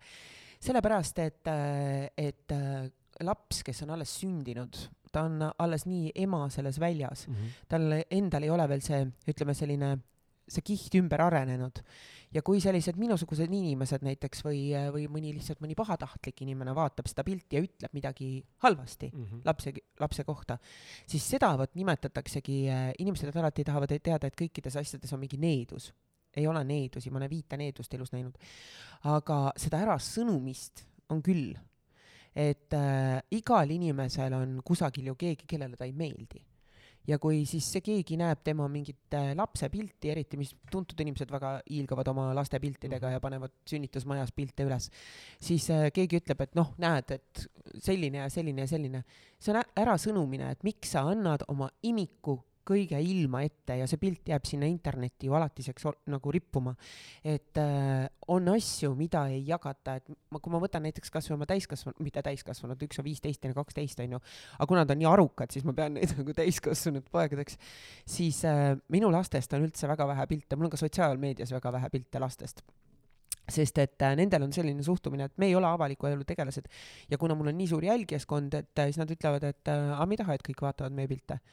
Et äh, mul on, kui ma konkreetselt, kui on kas mingi tähtpäev, ma ei tea, siin esimene september, kui ma tegin, tegin ükskord väga naljaka pildi neist, onju, kui nad täiesti masendunud nägudega seisid ja ma kirjutasin hurraa, esimene september ja lapsed lähevad kooli. et äh, siis äh, siis ma pean alati näitama ette neile selle pildi, küsima luba, siis ma pean ette näitama teksti, mis ma juurde panen ja ma väga arvestan sellega. ja ma tean, et mulle ajakirjanikud on vahel öelnud, et äh, kui on olnud mingi selline lugu, kus ma olen palunud oma poegi pildi peale, siis nad alati ütlevad, et jumal, teised lapsed alati ripuvad ja tahavad tulla piltide peale, onju, aga sinu omad seisavad alati eemal ja siis tulevad sellise näoga nagu, hea küll, ma teen sulle meeletu teene, ära unusta, et sa jääd mulle eluks ajaks sisse, onju, sellega, et ma tulen sinna pildi peale, et jah, ja ma ei ole kunagi sundinud ka. et äh, lapsed peavad saama valida ise seda, kus nad ennast eksponeerivad vanematele, et äh, laps ei ole sinu, sinu aksessuaar, aga paraku, kui me vaatame mingeid äh, ükskõik sotsiaalmeediat, Instagrami, Facebooki, siis need lapsed on paraku muutunud väga paljudel vanematel aksessuaarideks. nagu tšivauad mm. -hmm. see on, see on huvitav, et sa just ütlesid välja selle, et sinu lapsed ei otsi sellist tähelepanu mm. -hmm. kuigi see platvorm sinu eelduste pealt on tegelikult loodud, mille pealt jah. saaks juba nii-öelda nagu jälgijaid üle tuua, onju. Jah. mis mõnes mõttes on ka positiivne, et loomulikult, kui lapsed selle pealt oma elu mingil määral saavad ju parendada, edendada, siis see on ju jumala fine meie vanemate poolt, me saame aidata oma lapse arengut. aga samal ajal ongi huvitav näha, kuidas täna enamik ju nooremaid, tegelikult ka meievanuseid inimesi ja tegelikult ka vanemad generatsioonid, kõik tahavad seda tähelepanu, tähelepanu, tähelepanu, tähelepanu. ja, ja väga raske on, et väga raske on inimestel, kuigi mõni võib-olla ütleb ka sulle, et jaa, tead, ma tegelikult tahaks elada metsas vaata ja mitte midagi teha, aga ometi postitab Instagrami või Facebooki mingi hunnik pilte, nii et just. mingi suur konflikt on, nagu me kardame millestki ilma jääda. oled pannud tähele, kes lahku lähevad? Need naised hakkavad postitama Mhm. uskumatu. viis postitust tuleb päevas Instagrami, viis äh, Facebooki, siis story desse, igale poole, sa ei jõua enam neid likee panna sinna talle nagu. et äh, see on nagu see, et ma olen turul, et nüüd ma tõestan seda, et ma, ma näen nii hea välja, mul on nii äge, mis siis, et hing karjub ja see näitab ainult seda lihtsalt, et inimene on väga katki, et tegelikult ta vajab abi, see on appikarje Mhm. mm. -hmm. aga jah, minu, minu omad ei, ei ole kuidagi huvitatud sellest jah. Äh, sul tütar äh, muidu käib juba selgeltnägijate radadel, aga kuidas on nagu lood poegadega? Eh, üks poeg mul eitab totaalselt tema on füüsik. selles, selle koha pealt, et ta räägib mulle, et näita, kus see jumal on. näita mm, -hmm. ma ei näe teda. Ja siis on see, et, äh, et ta naerab nagu jah, igasuguse saatuse jutu peale ja siis ükskord me tegime testi niisama tütrega talle. ja siis me, kuule, tule Ron korra siia. sidusime tal silmad kinni ja siis ütlesime, et äh, ütle, mis su käe all on. panime telefonis pildi talle käe alla lihtsalt onju, et ütle lihtsalt, mis käe all on onju, meil on siuke mäng, davai onju, mängime niimoodi. ja siis äh, ta istus seal ja siis ütles, et see on meie koera pilt. see oli meie koera pilt. siis ma ütlesin talle, noh, füüsik. Mm. siis ta -hmm. ütles, aa, selgita jaa, et selgita. siis ta ütles, aa, nagu see lihtsalt läks. mm. -hmm. ja kui ma ükskord näitasin talle suvaliselt äh, kaardikombinatsiooni, ütlesin, no mis tähendab, siis ta ütleb ära. aga siis ta ütleb jälle, et aa ei, no panin lihtsalt suvalt, et äh, noh, nii ongi. aga teine poeg mul äh, on väga äh,, väga tundlik igasuguste asjade puhul ja ta juba lapsena, siis kui ta oli päris väike, siis ta seletas mulle mingeid asju, mis noh, mis, mis on ja mi- mis ta, mis ta nagu tunneb. aga ta kuidagi oskab sellega ilusasti toime tulla ja kuidagi kontrollida ja ma väga ei räägi sellest, ei suru, ma, ma nagu, igalühel on see tee oma käia ja igaüks siis, kui ta midagi tunneb, midagi tunnetab ja, ja tahab sellega tegeleda või on valmis sealt edasi minema, arenema, siis ta ise teeb seda, et, et ma jah, ei, ei, ei push'i seda aga lihtsalt Aroni puhul me tegime, kuna ta on peast nii füüsik on, siis me tegime talle seda katset, et näidata talle, et noh, tõesta ära füüsikaga nüüd, kuidas see võimalik oli mm. -hmm. tuleme su raamatu juurde. nii mul on see, mulle väga meeldib see raamat. ma räägin praegu puhtalt kaanekujundusest mm. -hmm. ja olemust, sisu ma pole lugenud, pole ka eelmist raamatut lugenud, pole ühtegi tegelikult sinu raamatut lugenud. no mis asja et just nimelt, mis asja onju, nüüd on vaja see korrata, korda teha ja uuesti lugema hakata, et äh, nagu ma ütlesin tegelikult sulle enne eetriväliselt ka äh, Facebookis, et ma ei tea tegelikult sinust väga palju, noh, nimepidi loomulikult ma tean, sa oled Eestis ikkagi tuntud inimene, aga ma ei tea tegelikult, millega sa tegeled ja kes sa oled. ja täna sind siin näha on tegelikult suur rõõm ja lust, et äh, räägi äh,, räägi mulle, Elisele ja, ja loomulikult meie saate kuulajatele ka, et äh, võib-olla see on nüüd loll küsimus, aga ma arvan, et äh, pole olemas lolle küsimusi, vaid äh, lollid vastused, nagu Mhm. öeldakse ja, ja kuna panin vast vastutada sinu kaela, onju. noh, et aga teist, teistpidi ka see, et kuna ma ei ole tõesti valdkonnaga kursis, siis ma tõesti ei tea, et räägi, mis asi on taroskoop ja mille poolest erineb siis näiteks horoskoobist või mis, mis mis üldse on, sest et mul ei ütle mitte midagi see. taroskoop on äh, see, et äh, ma laon seda, seda tulevikku seal onju, iga Mhm. mm -hmm. tähtkuju aastat laon kaartidega mm. Mhm. -hmm. horoskoop on see, et vaadatakse tä- tähtede pealt, eks ju Mhm. mm. -hmm. ja, ja eh, horoskoobi puhul on niimoodi, et seal oskab sul astroloog seletada ka täpselt päevadega, onju, see päev tee seda, see päev ära, ära tee seda, eks ju, igale ühele eraldi nagu. minul nii ei ole, mina lihtsalt kirjutan nagu selle jutu, mida see üks kuu sulle toob. et mina ei oska öelda, et kuule, sellel pühapäeval nagu seal ole nagu Mängi lotot ja- mängi lotot mhm. ja kuigi kui ma praegu, et äh, kui ma teen oma kodulehel ju neid iganädalasi taroskoope onju, siis no seal on küll, sest see on nagu nädala raames onju, siis ma saan küll aru, et mis on nagu esmaspäev, mis on teisipäev, mis on kolmapäev, aga niimoodi aasta lõikes ei ole see võimalik. ja kui ma kunagi olin veendumusel, et, et tähtkujude järgi ei saa panna äh, inimesele kaarte, sellepärast et äh, see on nii üldine, Mm -hmm. siis nüüd ma imestan, et täiesti ebareaalne. ma saan selle eelmise raamatu puhul lihtsalt nagu nii meeletult tagasisidet, nagu inimesed kirjutavad tohututes kogustes. Nad kirjutavad mulle, mul on mingid sellised inimesed, kes elavad Kuubal, kes kirjutavad mulle, kes on tohutud jälgijad ja kes tellivad sinna seda raamatut ja ja Uus-Meremaal ja Abu Dhabis on mul hästi palju nagu selliseid inimesi ja Ameerikas ja ja siis nad äh, kirjutavad, et äh, kuule, sa teed seal Eestis seda asja ja mina olen siin onju ja siin on täpselt minu kuu ja nii on olnud. ja siis on mul äh, minu küünestuudio, kus ma käin äh, küüntes, siis äh, äh, seal on kolm tšikki, kes tulid ära kevadel oma eelmisest töökohast salongist ja nad tegid uue salongi. ja, ja nemad loevad alati kuu lõpus läbi nagu selle eelmise kuu ja siis nad ütlesid, et ebareaalne, nad on kõik erinevast tähtkujust ja neil oli kõigil see, et neil on töömuutus või töömuudatus ja siis nad mõtlesid, et raudselt Timmer on kõigile pannud selle, lugesid teised taroskoobid ka läbi, teised tähtkujud ja seal ei olnud, onju. ja siis täpselt nendel kolmel oli nagu sellel ühel ajal siis see töö, töömuudatus. ja, ja niimoodi inimesed kirjutavad ja mulle pärast seda, et äh, mul just üks naine, kes käis, ütles, et kui ta eelmine aasta selle raamatu ostis, eelmise raamatu siis, et äh, siis ta luges läbi oma aasta ja, ja ta mõtles, et mine pekki, Timmer, mul ei tule selline aasta, mul ei saa nii pekkis aasta alla. ja nüüd tuli see koroona, eks ju ja ta ütles, et tal ei ole elus nii pekkis aastat olnud, onju, ta ütles, et kuidas sa teadsid seda minu aastat, et see nii õudne tuleb. et äh, siis ta ütles, et nii kui ta kuulis, et uus raamat tuleb, nii ta läks, ostis selle ära, sai aru, et järgmine aasta ka mingit väga lillepidu tal ei ole, aga siis ta ütles, et enam ma ei vaidle. et äh, jah, ma laon seda kaartidega, aga seal on iga tähtkuju vahel on ka lihtsalt igasugustel muudel teemadel. et ma sel, selles raamatus kirjutasin palju nagu sellest, et kuidas ennast siis selliste väikeste väikeste maagiliste eh, nippidega oma elu natuke lihtsamaks ja paremaks teha me oleme kõik inimestena ju enda elu loojad mm. -hmm. ja äh, kas tarokaardid ja nendest tulenev info aitavad inimestel enda elu siis paremini luua, et mõtlen ka seda, et kõik on ju inimese enda mõtetes ja suhtumises ju kinni, et kaardid võivad öelda, et kahe kuu pärast tuleb mingi suur rahasumma aga kui ise ei usu ja sellel inimesel on endal takistavad uskumused äh, ees, siis see ei muuda. see ei muuda. Äh, ma olen äh, seda lugu ja seda näidet lihtsalt nii palju rääkinud, aga, aga see lihtsalt on nii priceless. kuidas mu juurde tuli üks naisterahvas, see võis mingi, ma ei mäleta, neli aastat tagasi olla. vanem naine, ta hakkas seitsmekümnele lähenema ja, ja ta tuli, ma ei mäleta, mis teemaga tema tuli ja ma ütlesin talle, et äh, sind ootab ees äh, väga äge reis. et sa kõigepealt lähed lennukiga kuhugi ja siis sa lähed nagu laevareisile, et sul on ees laevareis kohe varsti ta vihastas niimoodi, tõusis püsti, ütles, et äh, ma olen täielik soolapuhuja, sellepärast et tal on elus foobia. ta sõidab ainult siis mingi sõiduvahendiga, kui ta näeb juhti, ehk ta sõidab autoga, bussiga, trammiga. ta ei ole kunagi sõitnud rongiga, laevaga, lennukiga, ta lihtsalt kardab. ja sõimas mul näo täis ja läks minema. Ja siis läks mööda, kas ma ei mäleta, kuu, midagi sellist, kui ta kirjutas mulle pika vabandava kirja.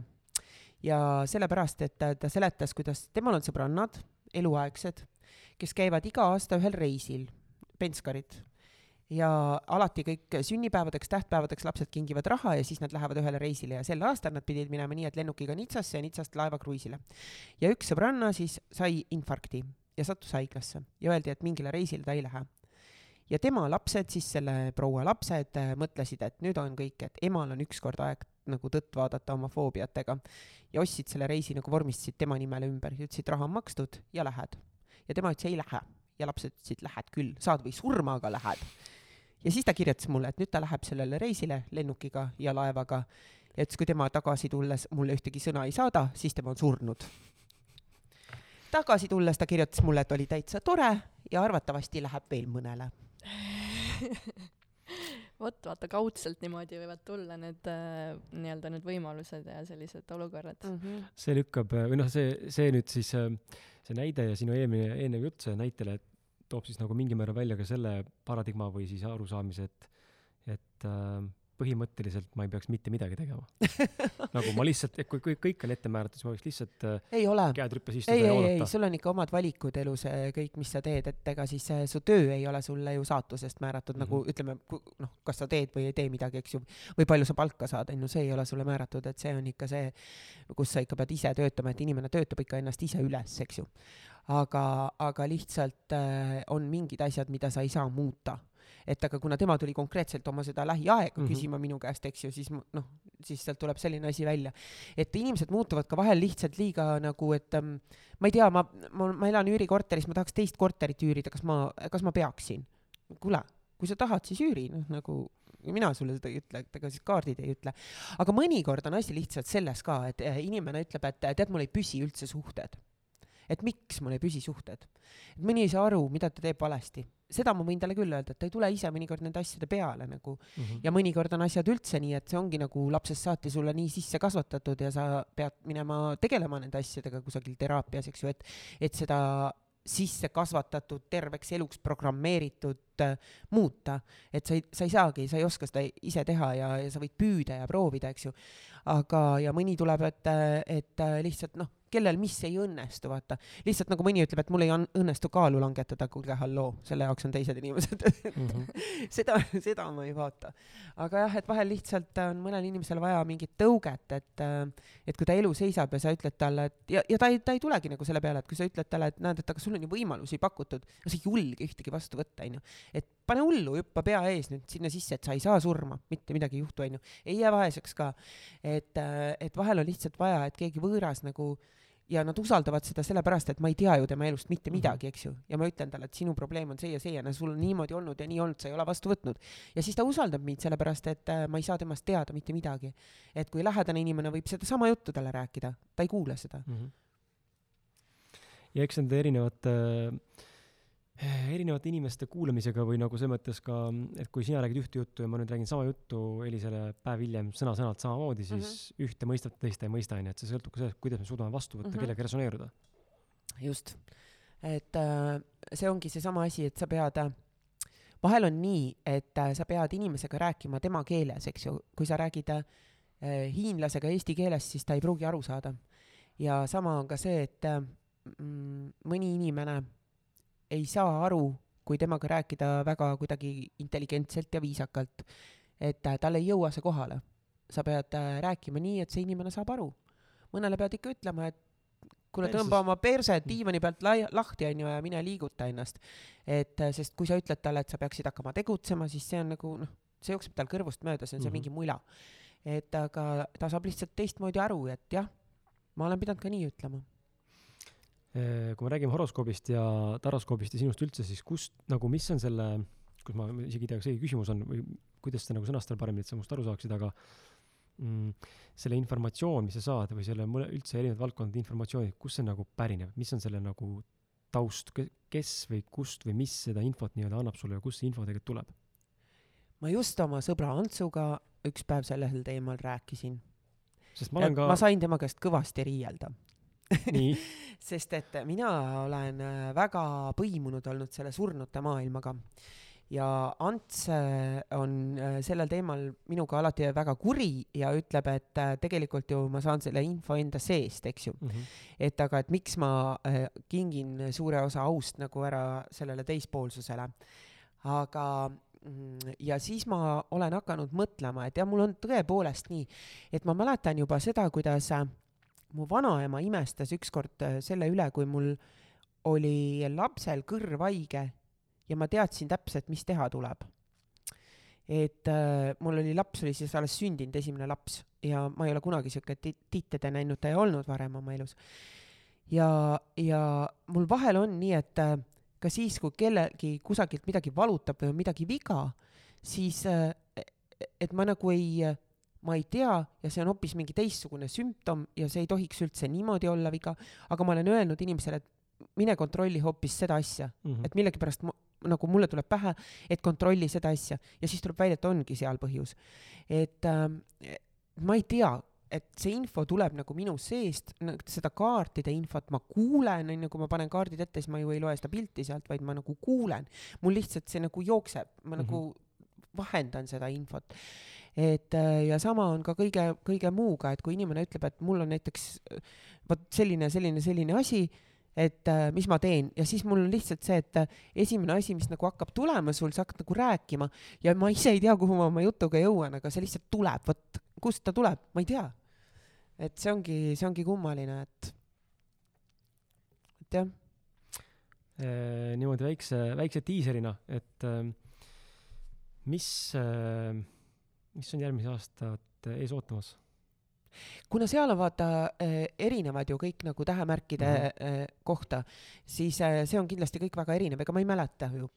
aga, aga mis muidu tuleb, siis majanduses tuleb väga raske aasta mm. -hmm. väga paljud suurfirmad panevad pillid kotti, väga paljud firmad lõpetavad ikkagi tegevuse, meil jääb väga palju töötuid, ehk et inimesed, hoidke, säästke, see on nagu selline oluline asi ma ise ei ole ka mingi ennustaja, kui ma vaatan nagu seda tänast kulgu, kuhu me oleme nii-öelda praktilises maailmas liikumas, siis mulle tundub, et majandus saab uue restardi siin paari aasta jooksul ja kardinaalse muutumise. jaa, aga eks me oleme natukene kosmosesse ära ka läinud sellega, et kui inimesed ise enam käsipidurit ei tõmba, siis tõmmatakse see mm -hmm. kuidagi muud moodi, et kuigi mu ema on tohutu vandenõuteoreetik ja siis ta räägib, et see kõik, see koroona ongi selleks siin tehtud ja loodud, et et mulle meeldivad vandenõuteooriad ka väga, aga, aga jah ükskõik mis pidi ta on, aga, aga mingit pidi lihtsalt tuleb vahepeal seda kässarit tõmmata mm, -hmm. et me mhm. oleme üle piiride läinud.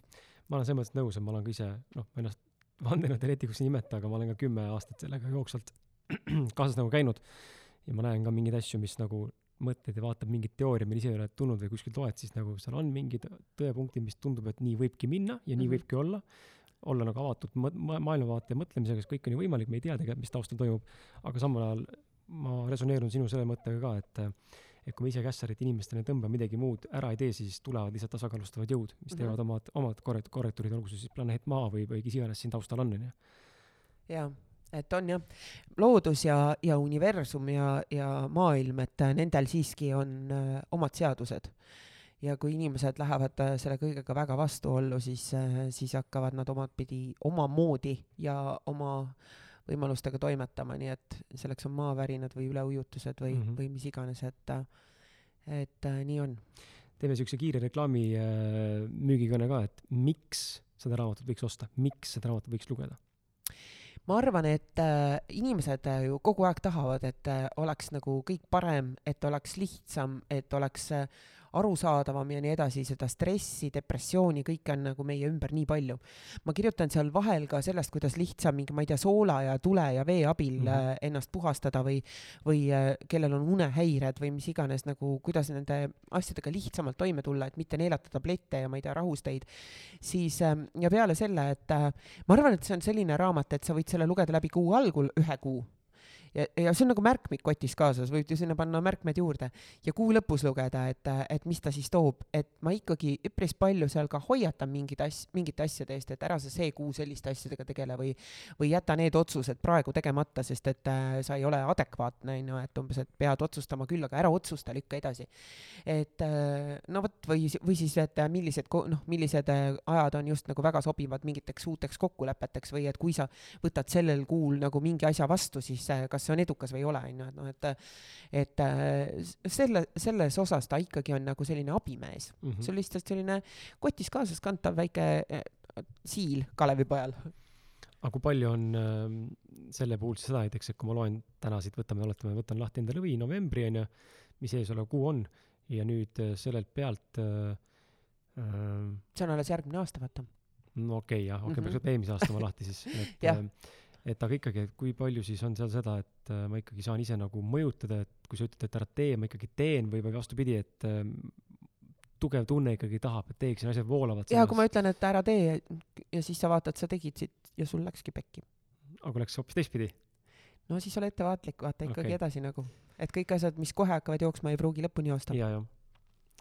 Okei okay., ja kust ta osta saab, kas ainult, oih, raamatupoodidest või ainult, äh, või saab ka sinu koduleheküljel kuskilt ära tellida? ei, minu kodulehe, jaa, koduleheküljel ma ei müü veel, sest et äh, ma ei jaksa, mul ei ole mm. praegu, kuna mul on teleprojekt suur käsil ja ja neid tegemisi praegu lihtsalt nii hullult, siis ma ei, ma ei jõua kuidagi ise sellega tegeleda, et ikka raamatupoed ja ja tean, et vist ka Selverid müüvad ja, ja aga muidu ikka Apollo ja Rahva Raamat ja ja Paned- saab nende kodulehekülgedelt tellida ka, nii et toovad koju ära mm. -hmm. paned äh, kodus äh, lapsed tööle pakendama ja, ja siis äh, sina jagad autogramme ja nemad saadavad. Nad küsivad ju raha ära endale siis selle eest meil on ikkagi, meil on kodus kõik selgeks tehtud selline asi, et äh, orja, orjaaeg on läbi, iga töö on tasustatud.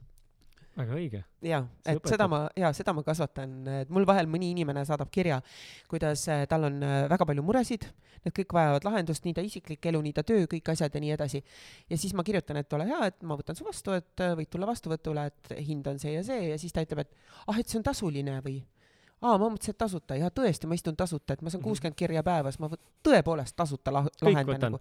kõik võtan vastu ja siis pärast olen kodus näljas paljas ja, ja läbi. et, äh, et kui ma võtan äh, päevas kolm inimest, näiteks toon näite, et võtan kolm inimest vastu, siis peale seda ma lähen diivanile, kukun ja magan vähemalt poolteist tundi, onju, sest ma olen nii tühi sellest energiast. et äh, miks ma peaksin ennast tasuta tapma. ja siis üks inimene sõimas mind konkreetselt sellega, ütles, et äh, Vigala sass äh, tegi küll tasuta. ja siis mind ajas nii naerma, et kuidas inimene tuleb mingi tarkusega, millest ta ei tea midagi, et Vigala sass pani inimesed kõigepealt nädalaks endale põllu peale tööle ja siis hakkas nendega tegelema. et kui sa vastu ei pidanud seal, siis äh, järelikult äh, sind polegi vaja aidata mm. -hmm. et äh, nii on jah. see on üldse huvitav, ma olen varem, ma ei mäleta, kellega me rääkisime sellest, aga ma olen varem sel samal teemal natukene vestelnud inimestega, et ähm, see on ilmselt meie enda loomuses või mingisuguses ühiskondlikus mustris sees, et äh, see stagnaagne teema, et töö peab olema raske ja, ja füüsiliselt ja vaevaliselt mõõdetav ja siis sa maksad selle eest onju ja kui nüüd mm, -hmm. Mhm. kui keegi teeb mingit äh, mis iganes mingit vaimsusega tegeleb või kuidagi teistmoodi aitab, siis see justkui on nagu vähem olulisem või nagu, et ei no aga mis mõttes küsid raha selle eest, sa peaks tasuta tegema, see ei ole midagi, sa ainult räägid ju. aga see on ka töö. jaa, ei, ma olen nagu mõelnud, et äh, see on samasugune anne, nagu on kunstnikul joonistamine või, või lauljal laulmine, et äh, ei tule seal ükski bänd tasuta esinema ega ükski kunstnik, vaata, mis maksab kunst, eks ju. et äh, ja kui mina konkreetselt nagu oma äh, energiat annan ära inimesele, oma aega ja energiat, on ju, ja minul on äh, iga päev on iga sekund arvel, eks ju, siis äh, miks ma peaksin tahtma sinu asju lahendada, sinu elu kergemaks teha või asjad, kus sa muidu ei saa mitte kusagilt mujalt seda vastust, eks ju.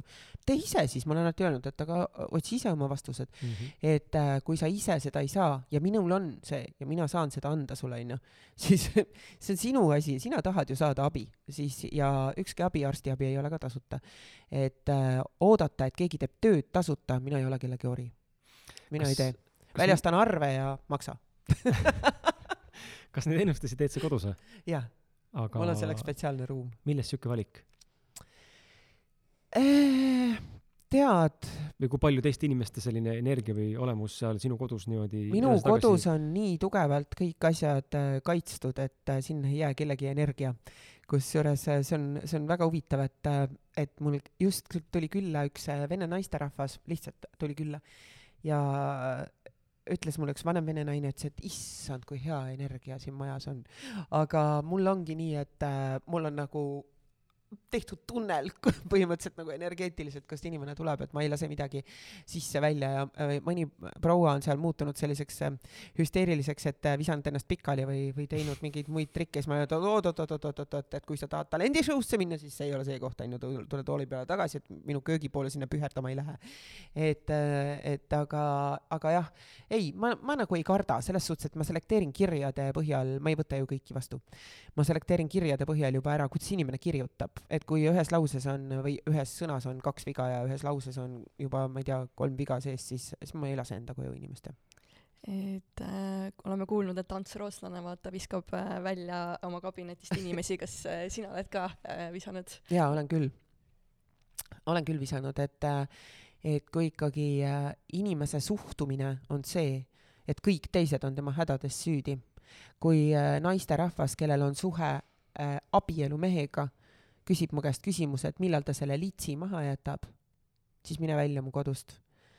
et äh, ma ei aita mm. -hmm. et mulle ei meeldi inimesed, kes oma hädad teiste kaela lükkavad, kes arvavad, et kõik teised on kogu aeg süüdi, et sul on halvasti ja, ja mulle ei meeldi, kui keegi halvustab, äh, kui sa ise oled tegelikult, sorry, lits, siis ütled niimoodi selle mehe naise kohta, siis kao minema mm. -hmm. et äh, jah, ma olen läinud täiesti tülli mõne inimesega ja läinud äh, sellepärast, et kui inimene on nagu puu peaga, ei saa sellest aru, et äh, kui temal läheb halvasti, siis see on tema probleem ja tema on süüdi.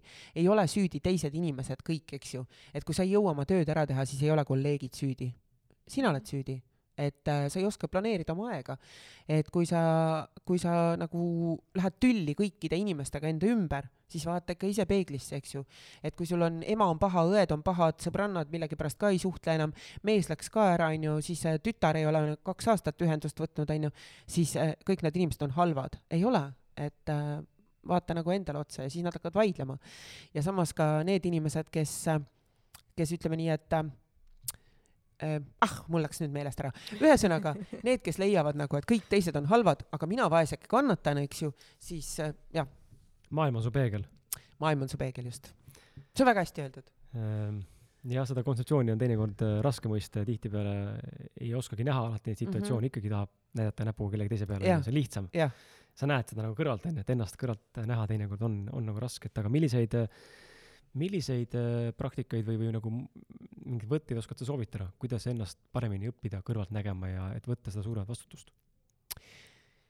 ma arvan, et äh, üks olulisemaid asju on ikkagi inimesel hakkab pihta seesama, see aja planeerimine ja see, et äh, panna oma asjad tähtsuse järjekorras paika, mis on sinu jaoks nagu primaarsed, mis on nagu olulised. tegeleda tohutult, anda ära oma energiat ja aega ja selle eest tasu saamata on mõttetu. Kuigi on olukordi ka, kus inimesed lihtsalt selleks, et hinge sees hoida, seda teevad, eks ju. aga tuleb õppida enda eest seisma, sellepärast et meisse suhtutakse täpselt nii, nagu meie laseme endasse suhtuda. ja see on ikkagi üks äh, põhiline asi, et kui äh, mõni ütleb, et mu mees mind kogu aeg peksab, sellepärast peksabki, et sa lased ennast peksta võta jalad selga ja mine ära. no aga ega ta iga päev ei peksa, eks ju mm. -hmm. no siis, siis lepi sellega, ära tule kurtma mulle. kui ta ei peksa sind iga päev ja sul on okei okay see, siis noh, ole rõõmus, onju, mis sa tuled mu juurde küsima, et kuidas minu mees heaks saab. sinu mees ei saa heaks, onju, sinu valik on.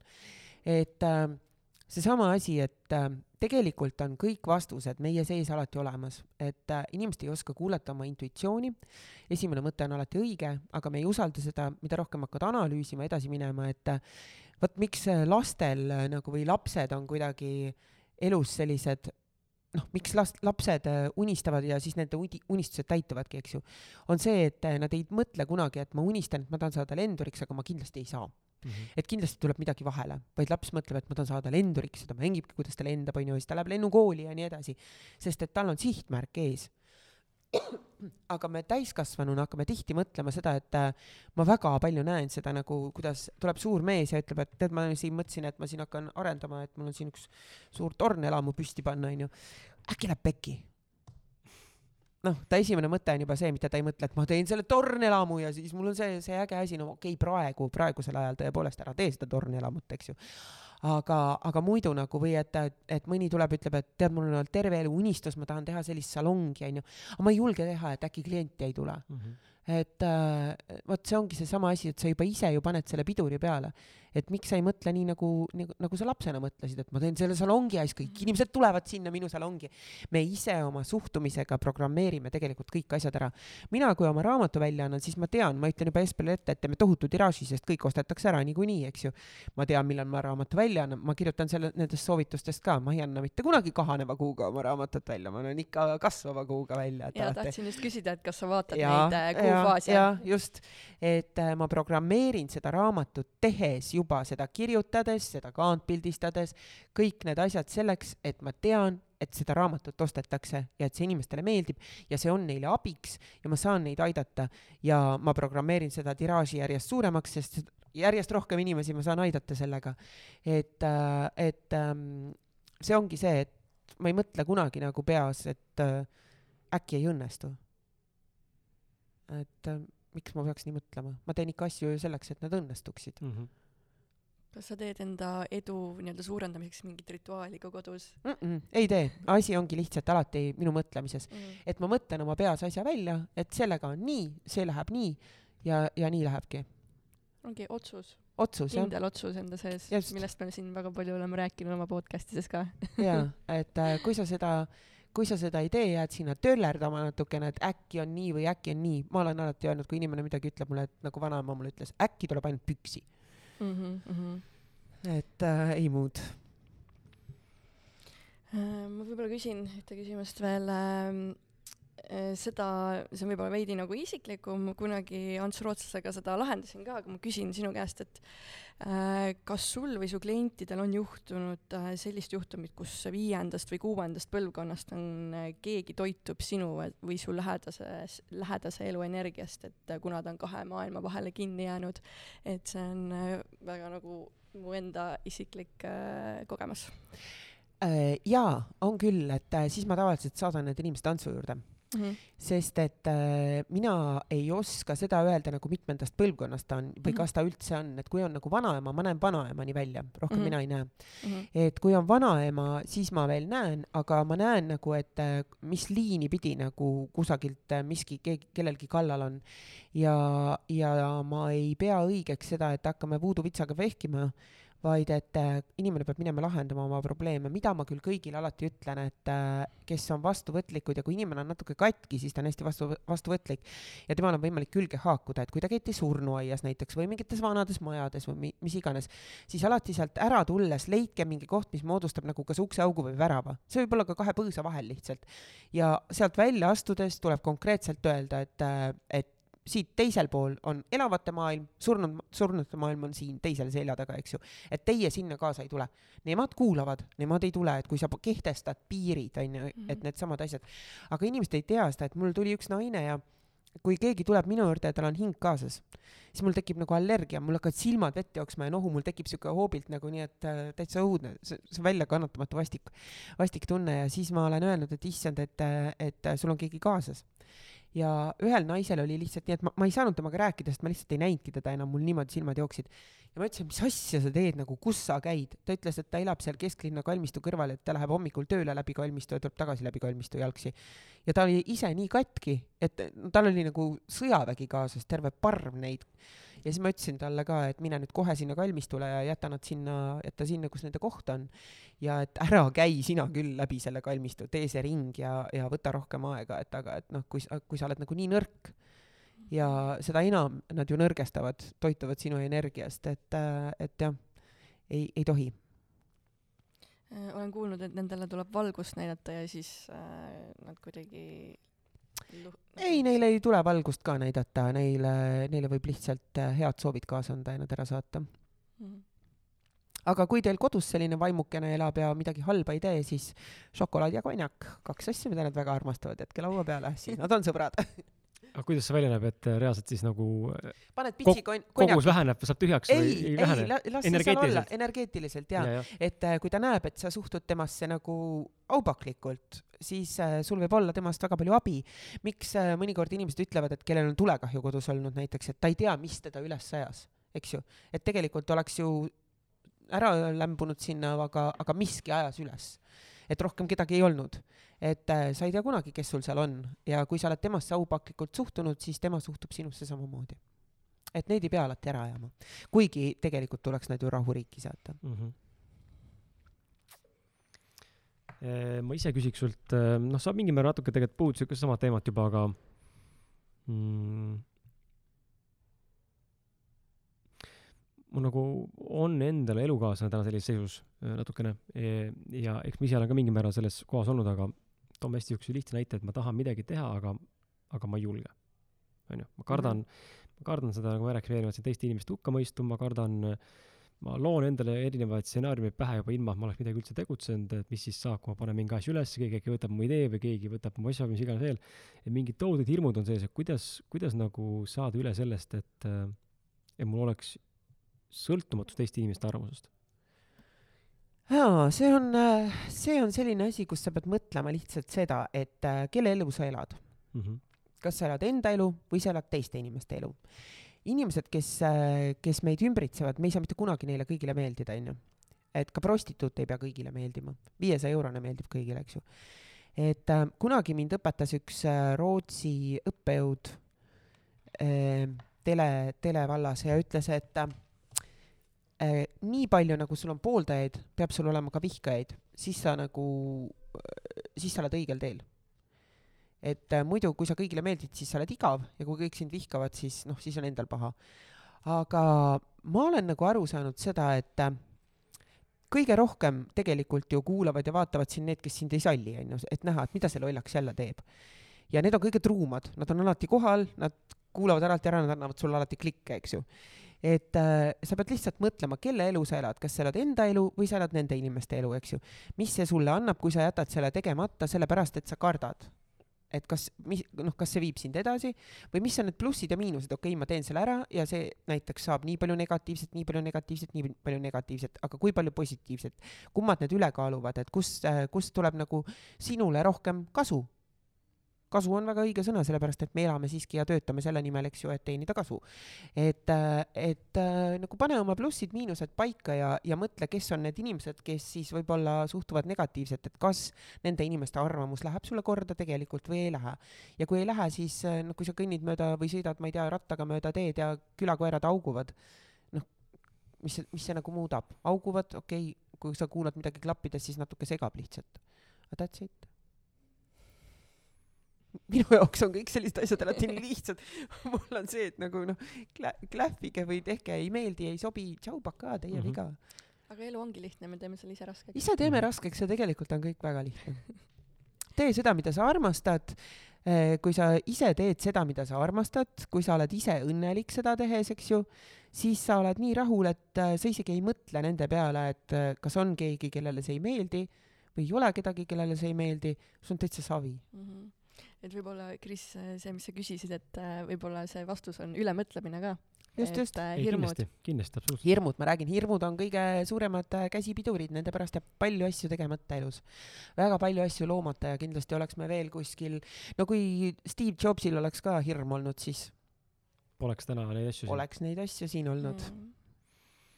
Elis, kas sul on soov midagi küsida, sest et mina hetkel rohkem küsida ei soovi mm. -hmm. küsin seda, et kuidas on äh, lood Eestis äh, äh, nii-öelda Eesti nõidadega, kas nad omavahel nagu hoiavad kokku või pigem on selline konkurents äh, pidev? mina ei äh,, mina ei suhtle nagu selles mõttes teiste nõidadega, et nüüd, kuna mu tütar see on vist suur saladus, aga okei okay,, ma annan väikese vihje, diiseri, osaleb Selgeltnägijate saates sel kevadel ja et tänu temale ma olen kuidagi, kuna tema seal hakkas suhtlema nende teistega, nende van-, vanemate tegijatega seal, kes on enne osalenud saates, siis äh, tänu temale ma olen kuidagi nüüd nagu nendega kokku puutunud, mõni neist on mul kodus külas käinud eh,, kuna tütar elas sellel ajal minu juures, kui, kui saade oli ja, ja siis äh, see on väga tore olnud, see suhtlemine nendega, sest üldiselt ma ei tea teisi ja ma ei äh, ma ei puutu kokku nagu nende teistega või ja ma ei võta seisukohti ja ma ei, ma ei arvusta ja ma ka ei tea, kuidas keegi töötab. et äh,, et ma olen nii omaette või ma ei käi mingitel nende koosolekutel ega, ega lõkke ümber tantsu löömas, et mul ei ole seda vaja. Ja mina leiangi lihtsalt seda, et kogu seda ümber show'd nagu ma ei tee kaasa, et mul ei ole midagi vaja, ma võtan lihtsalt kaardid ja räägin ära, mis toimub, et ma ei pea täiskujul tantsu lööma ega, ega vihtlema kuuvalgel ma ei tea, et mul ei ole seda vaja, et mul see on verega kõik kaasas, et igasuguseid muid, muid asju mul teha ei ole vaja, et siis sellepärast ma võib-olla olen natuke eemale jäänud, et äh, või noh, mitte eemale jäänud, vaid olengi eemal olnud kogu aeg, et aga ma, ma ei tea, konkurentsi kindlasti ma olen kuulnud mingeid asju mõnest kohast, kus, kus nagu on halvasti öeldud mu asjade kohta, aga aga ma, minul on see suhtumine, et aga tee ise paremini. kui sa ise ei püü paremini, siis ära karju. kas sul on mõni eeskuju ka, eeskujunõid või? ei ole ei ole, ei. et äh, igaüks näeb ja tunneb nii palju, nagu ta ise näeb ja tunneb. et äh, ega ma ei tea ka, mida teised näevad või tunnevad mm. -hmm Kristi, ma pean su aega austama, kell on täpselt kaksteist ja ma Oh. tõmban otsa kokku, sest muidu sa jääd hiljaks võib-olla eelmise kohta, mis on Jah. meie saate, oleks väga suur vastuoluline lause, sest et sa saate alguses ütlesid, et sa ei jää hiljaks. ma ei jää hiljaks, jah. seega ma toetan sinu äh, valikut ja sinu otsust, nii et ma tõmban otsad kokku. kus me sind leida võime? reklaam, nüüd on see koht, kus siis, et ema, emamaa on eetris, et jaa äh,, leida saab mind äh, päris mitmest kohast, et kirstitimmer.ee on mu koduleht, kes tahab minuga ühendust võtta, siis kirjutage sinna, et äh, inimesed kirjutavad palju Facebooki ja Instagrami igale poole, ma ei suuda hallata, kui on niimoodi kogu info laiali. kirjutage sinna, raamatud on poes, et ähm, äh, see on siis minu nime ja minu pildiga taroskoop, et on nüüd tehtud ka millegipärast mingeid teisi, ärge õnge minge.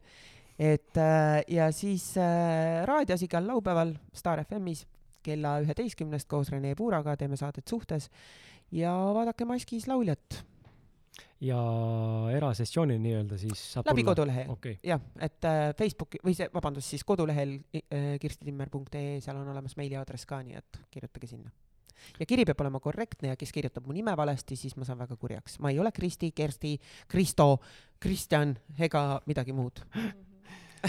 jaa, see on, nimed on huvitavad asjad, et mind kirjutatakse ka, ma ei tea, kuidas vahepeal. ja see on kõige hullem, kui sa tuled mu äh, kodulehele või tuled mu Facebooki lehele, eks ju, ja juba näed, onju, mis mu nimi on, onju, ja siis sa kirjutad tere Kersti või tere Kristi. mine pekki, õpi lugema. ma olen väga karm selles osas.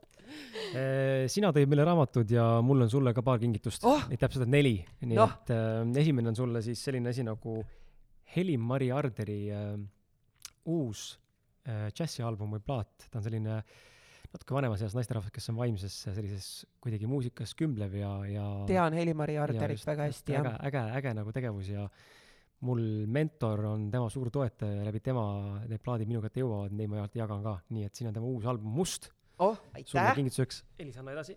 must on värv, mis sobib mulle ka, nii et väga hea. siis on äh, sulle anda meie suur, suur-suur koostööpartneri poolt, Million Mindseti poolt ähm,, kirjastuse poolt siis selline raamat nagu Pabulini rikkam mees, et kui sa lugenud ei ole, siis äh, Ei võta ole siis lastele, lugenud. Endale, tüdrukule, kellele iganes anda sihuke äh, novellilik äh, lugu äh, rikkusest ja, ja mõttemaailmast äh, raha ümber.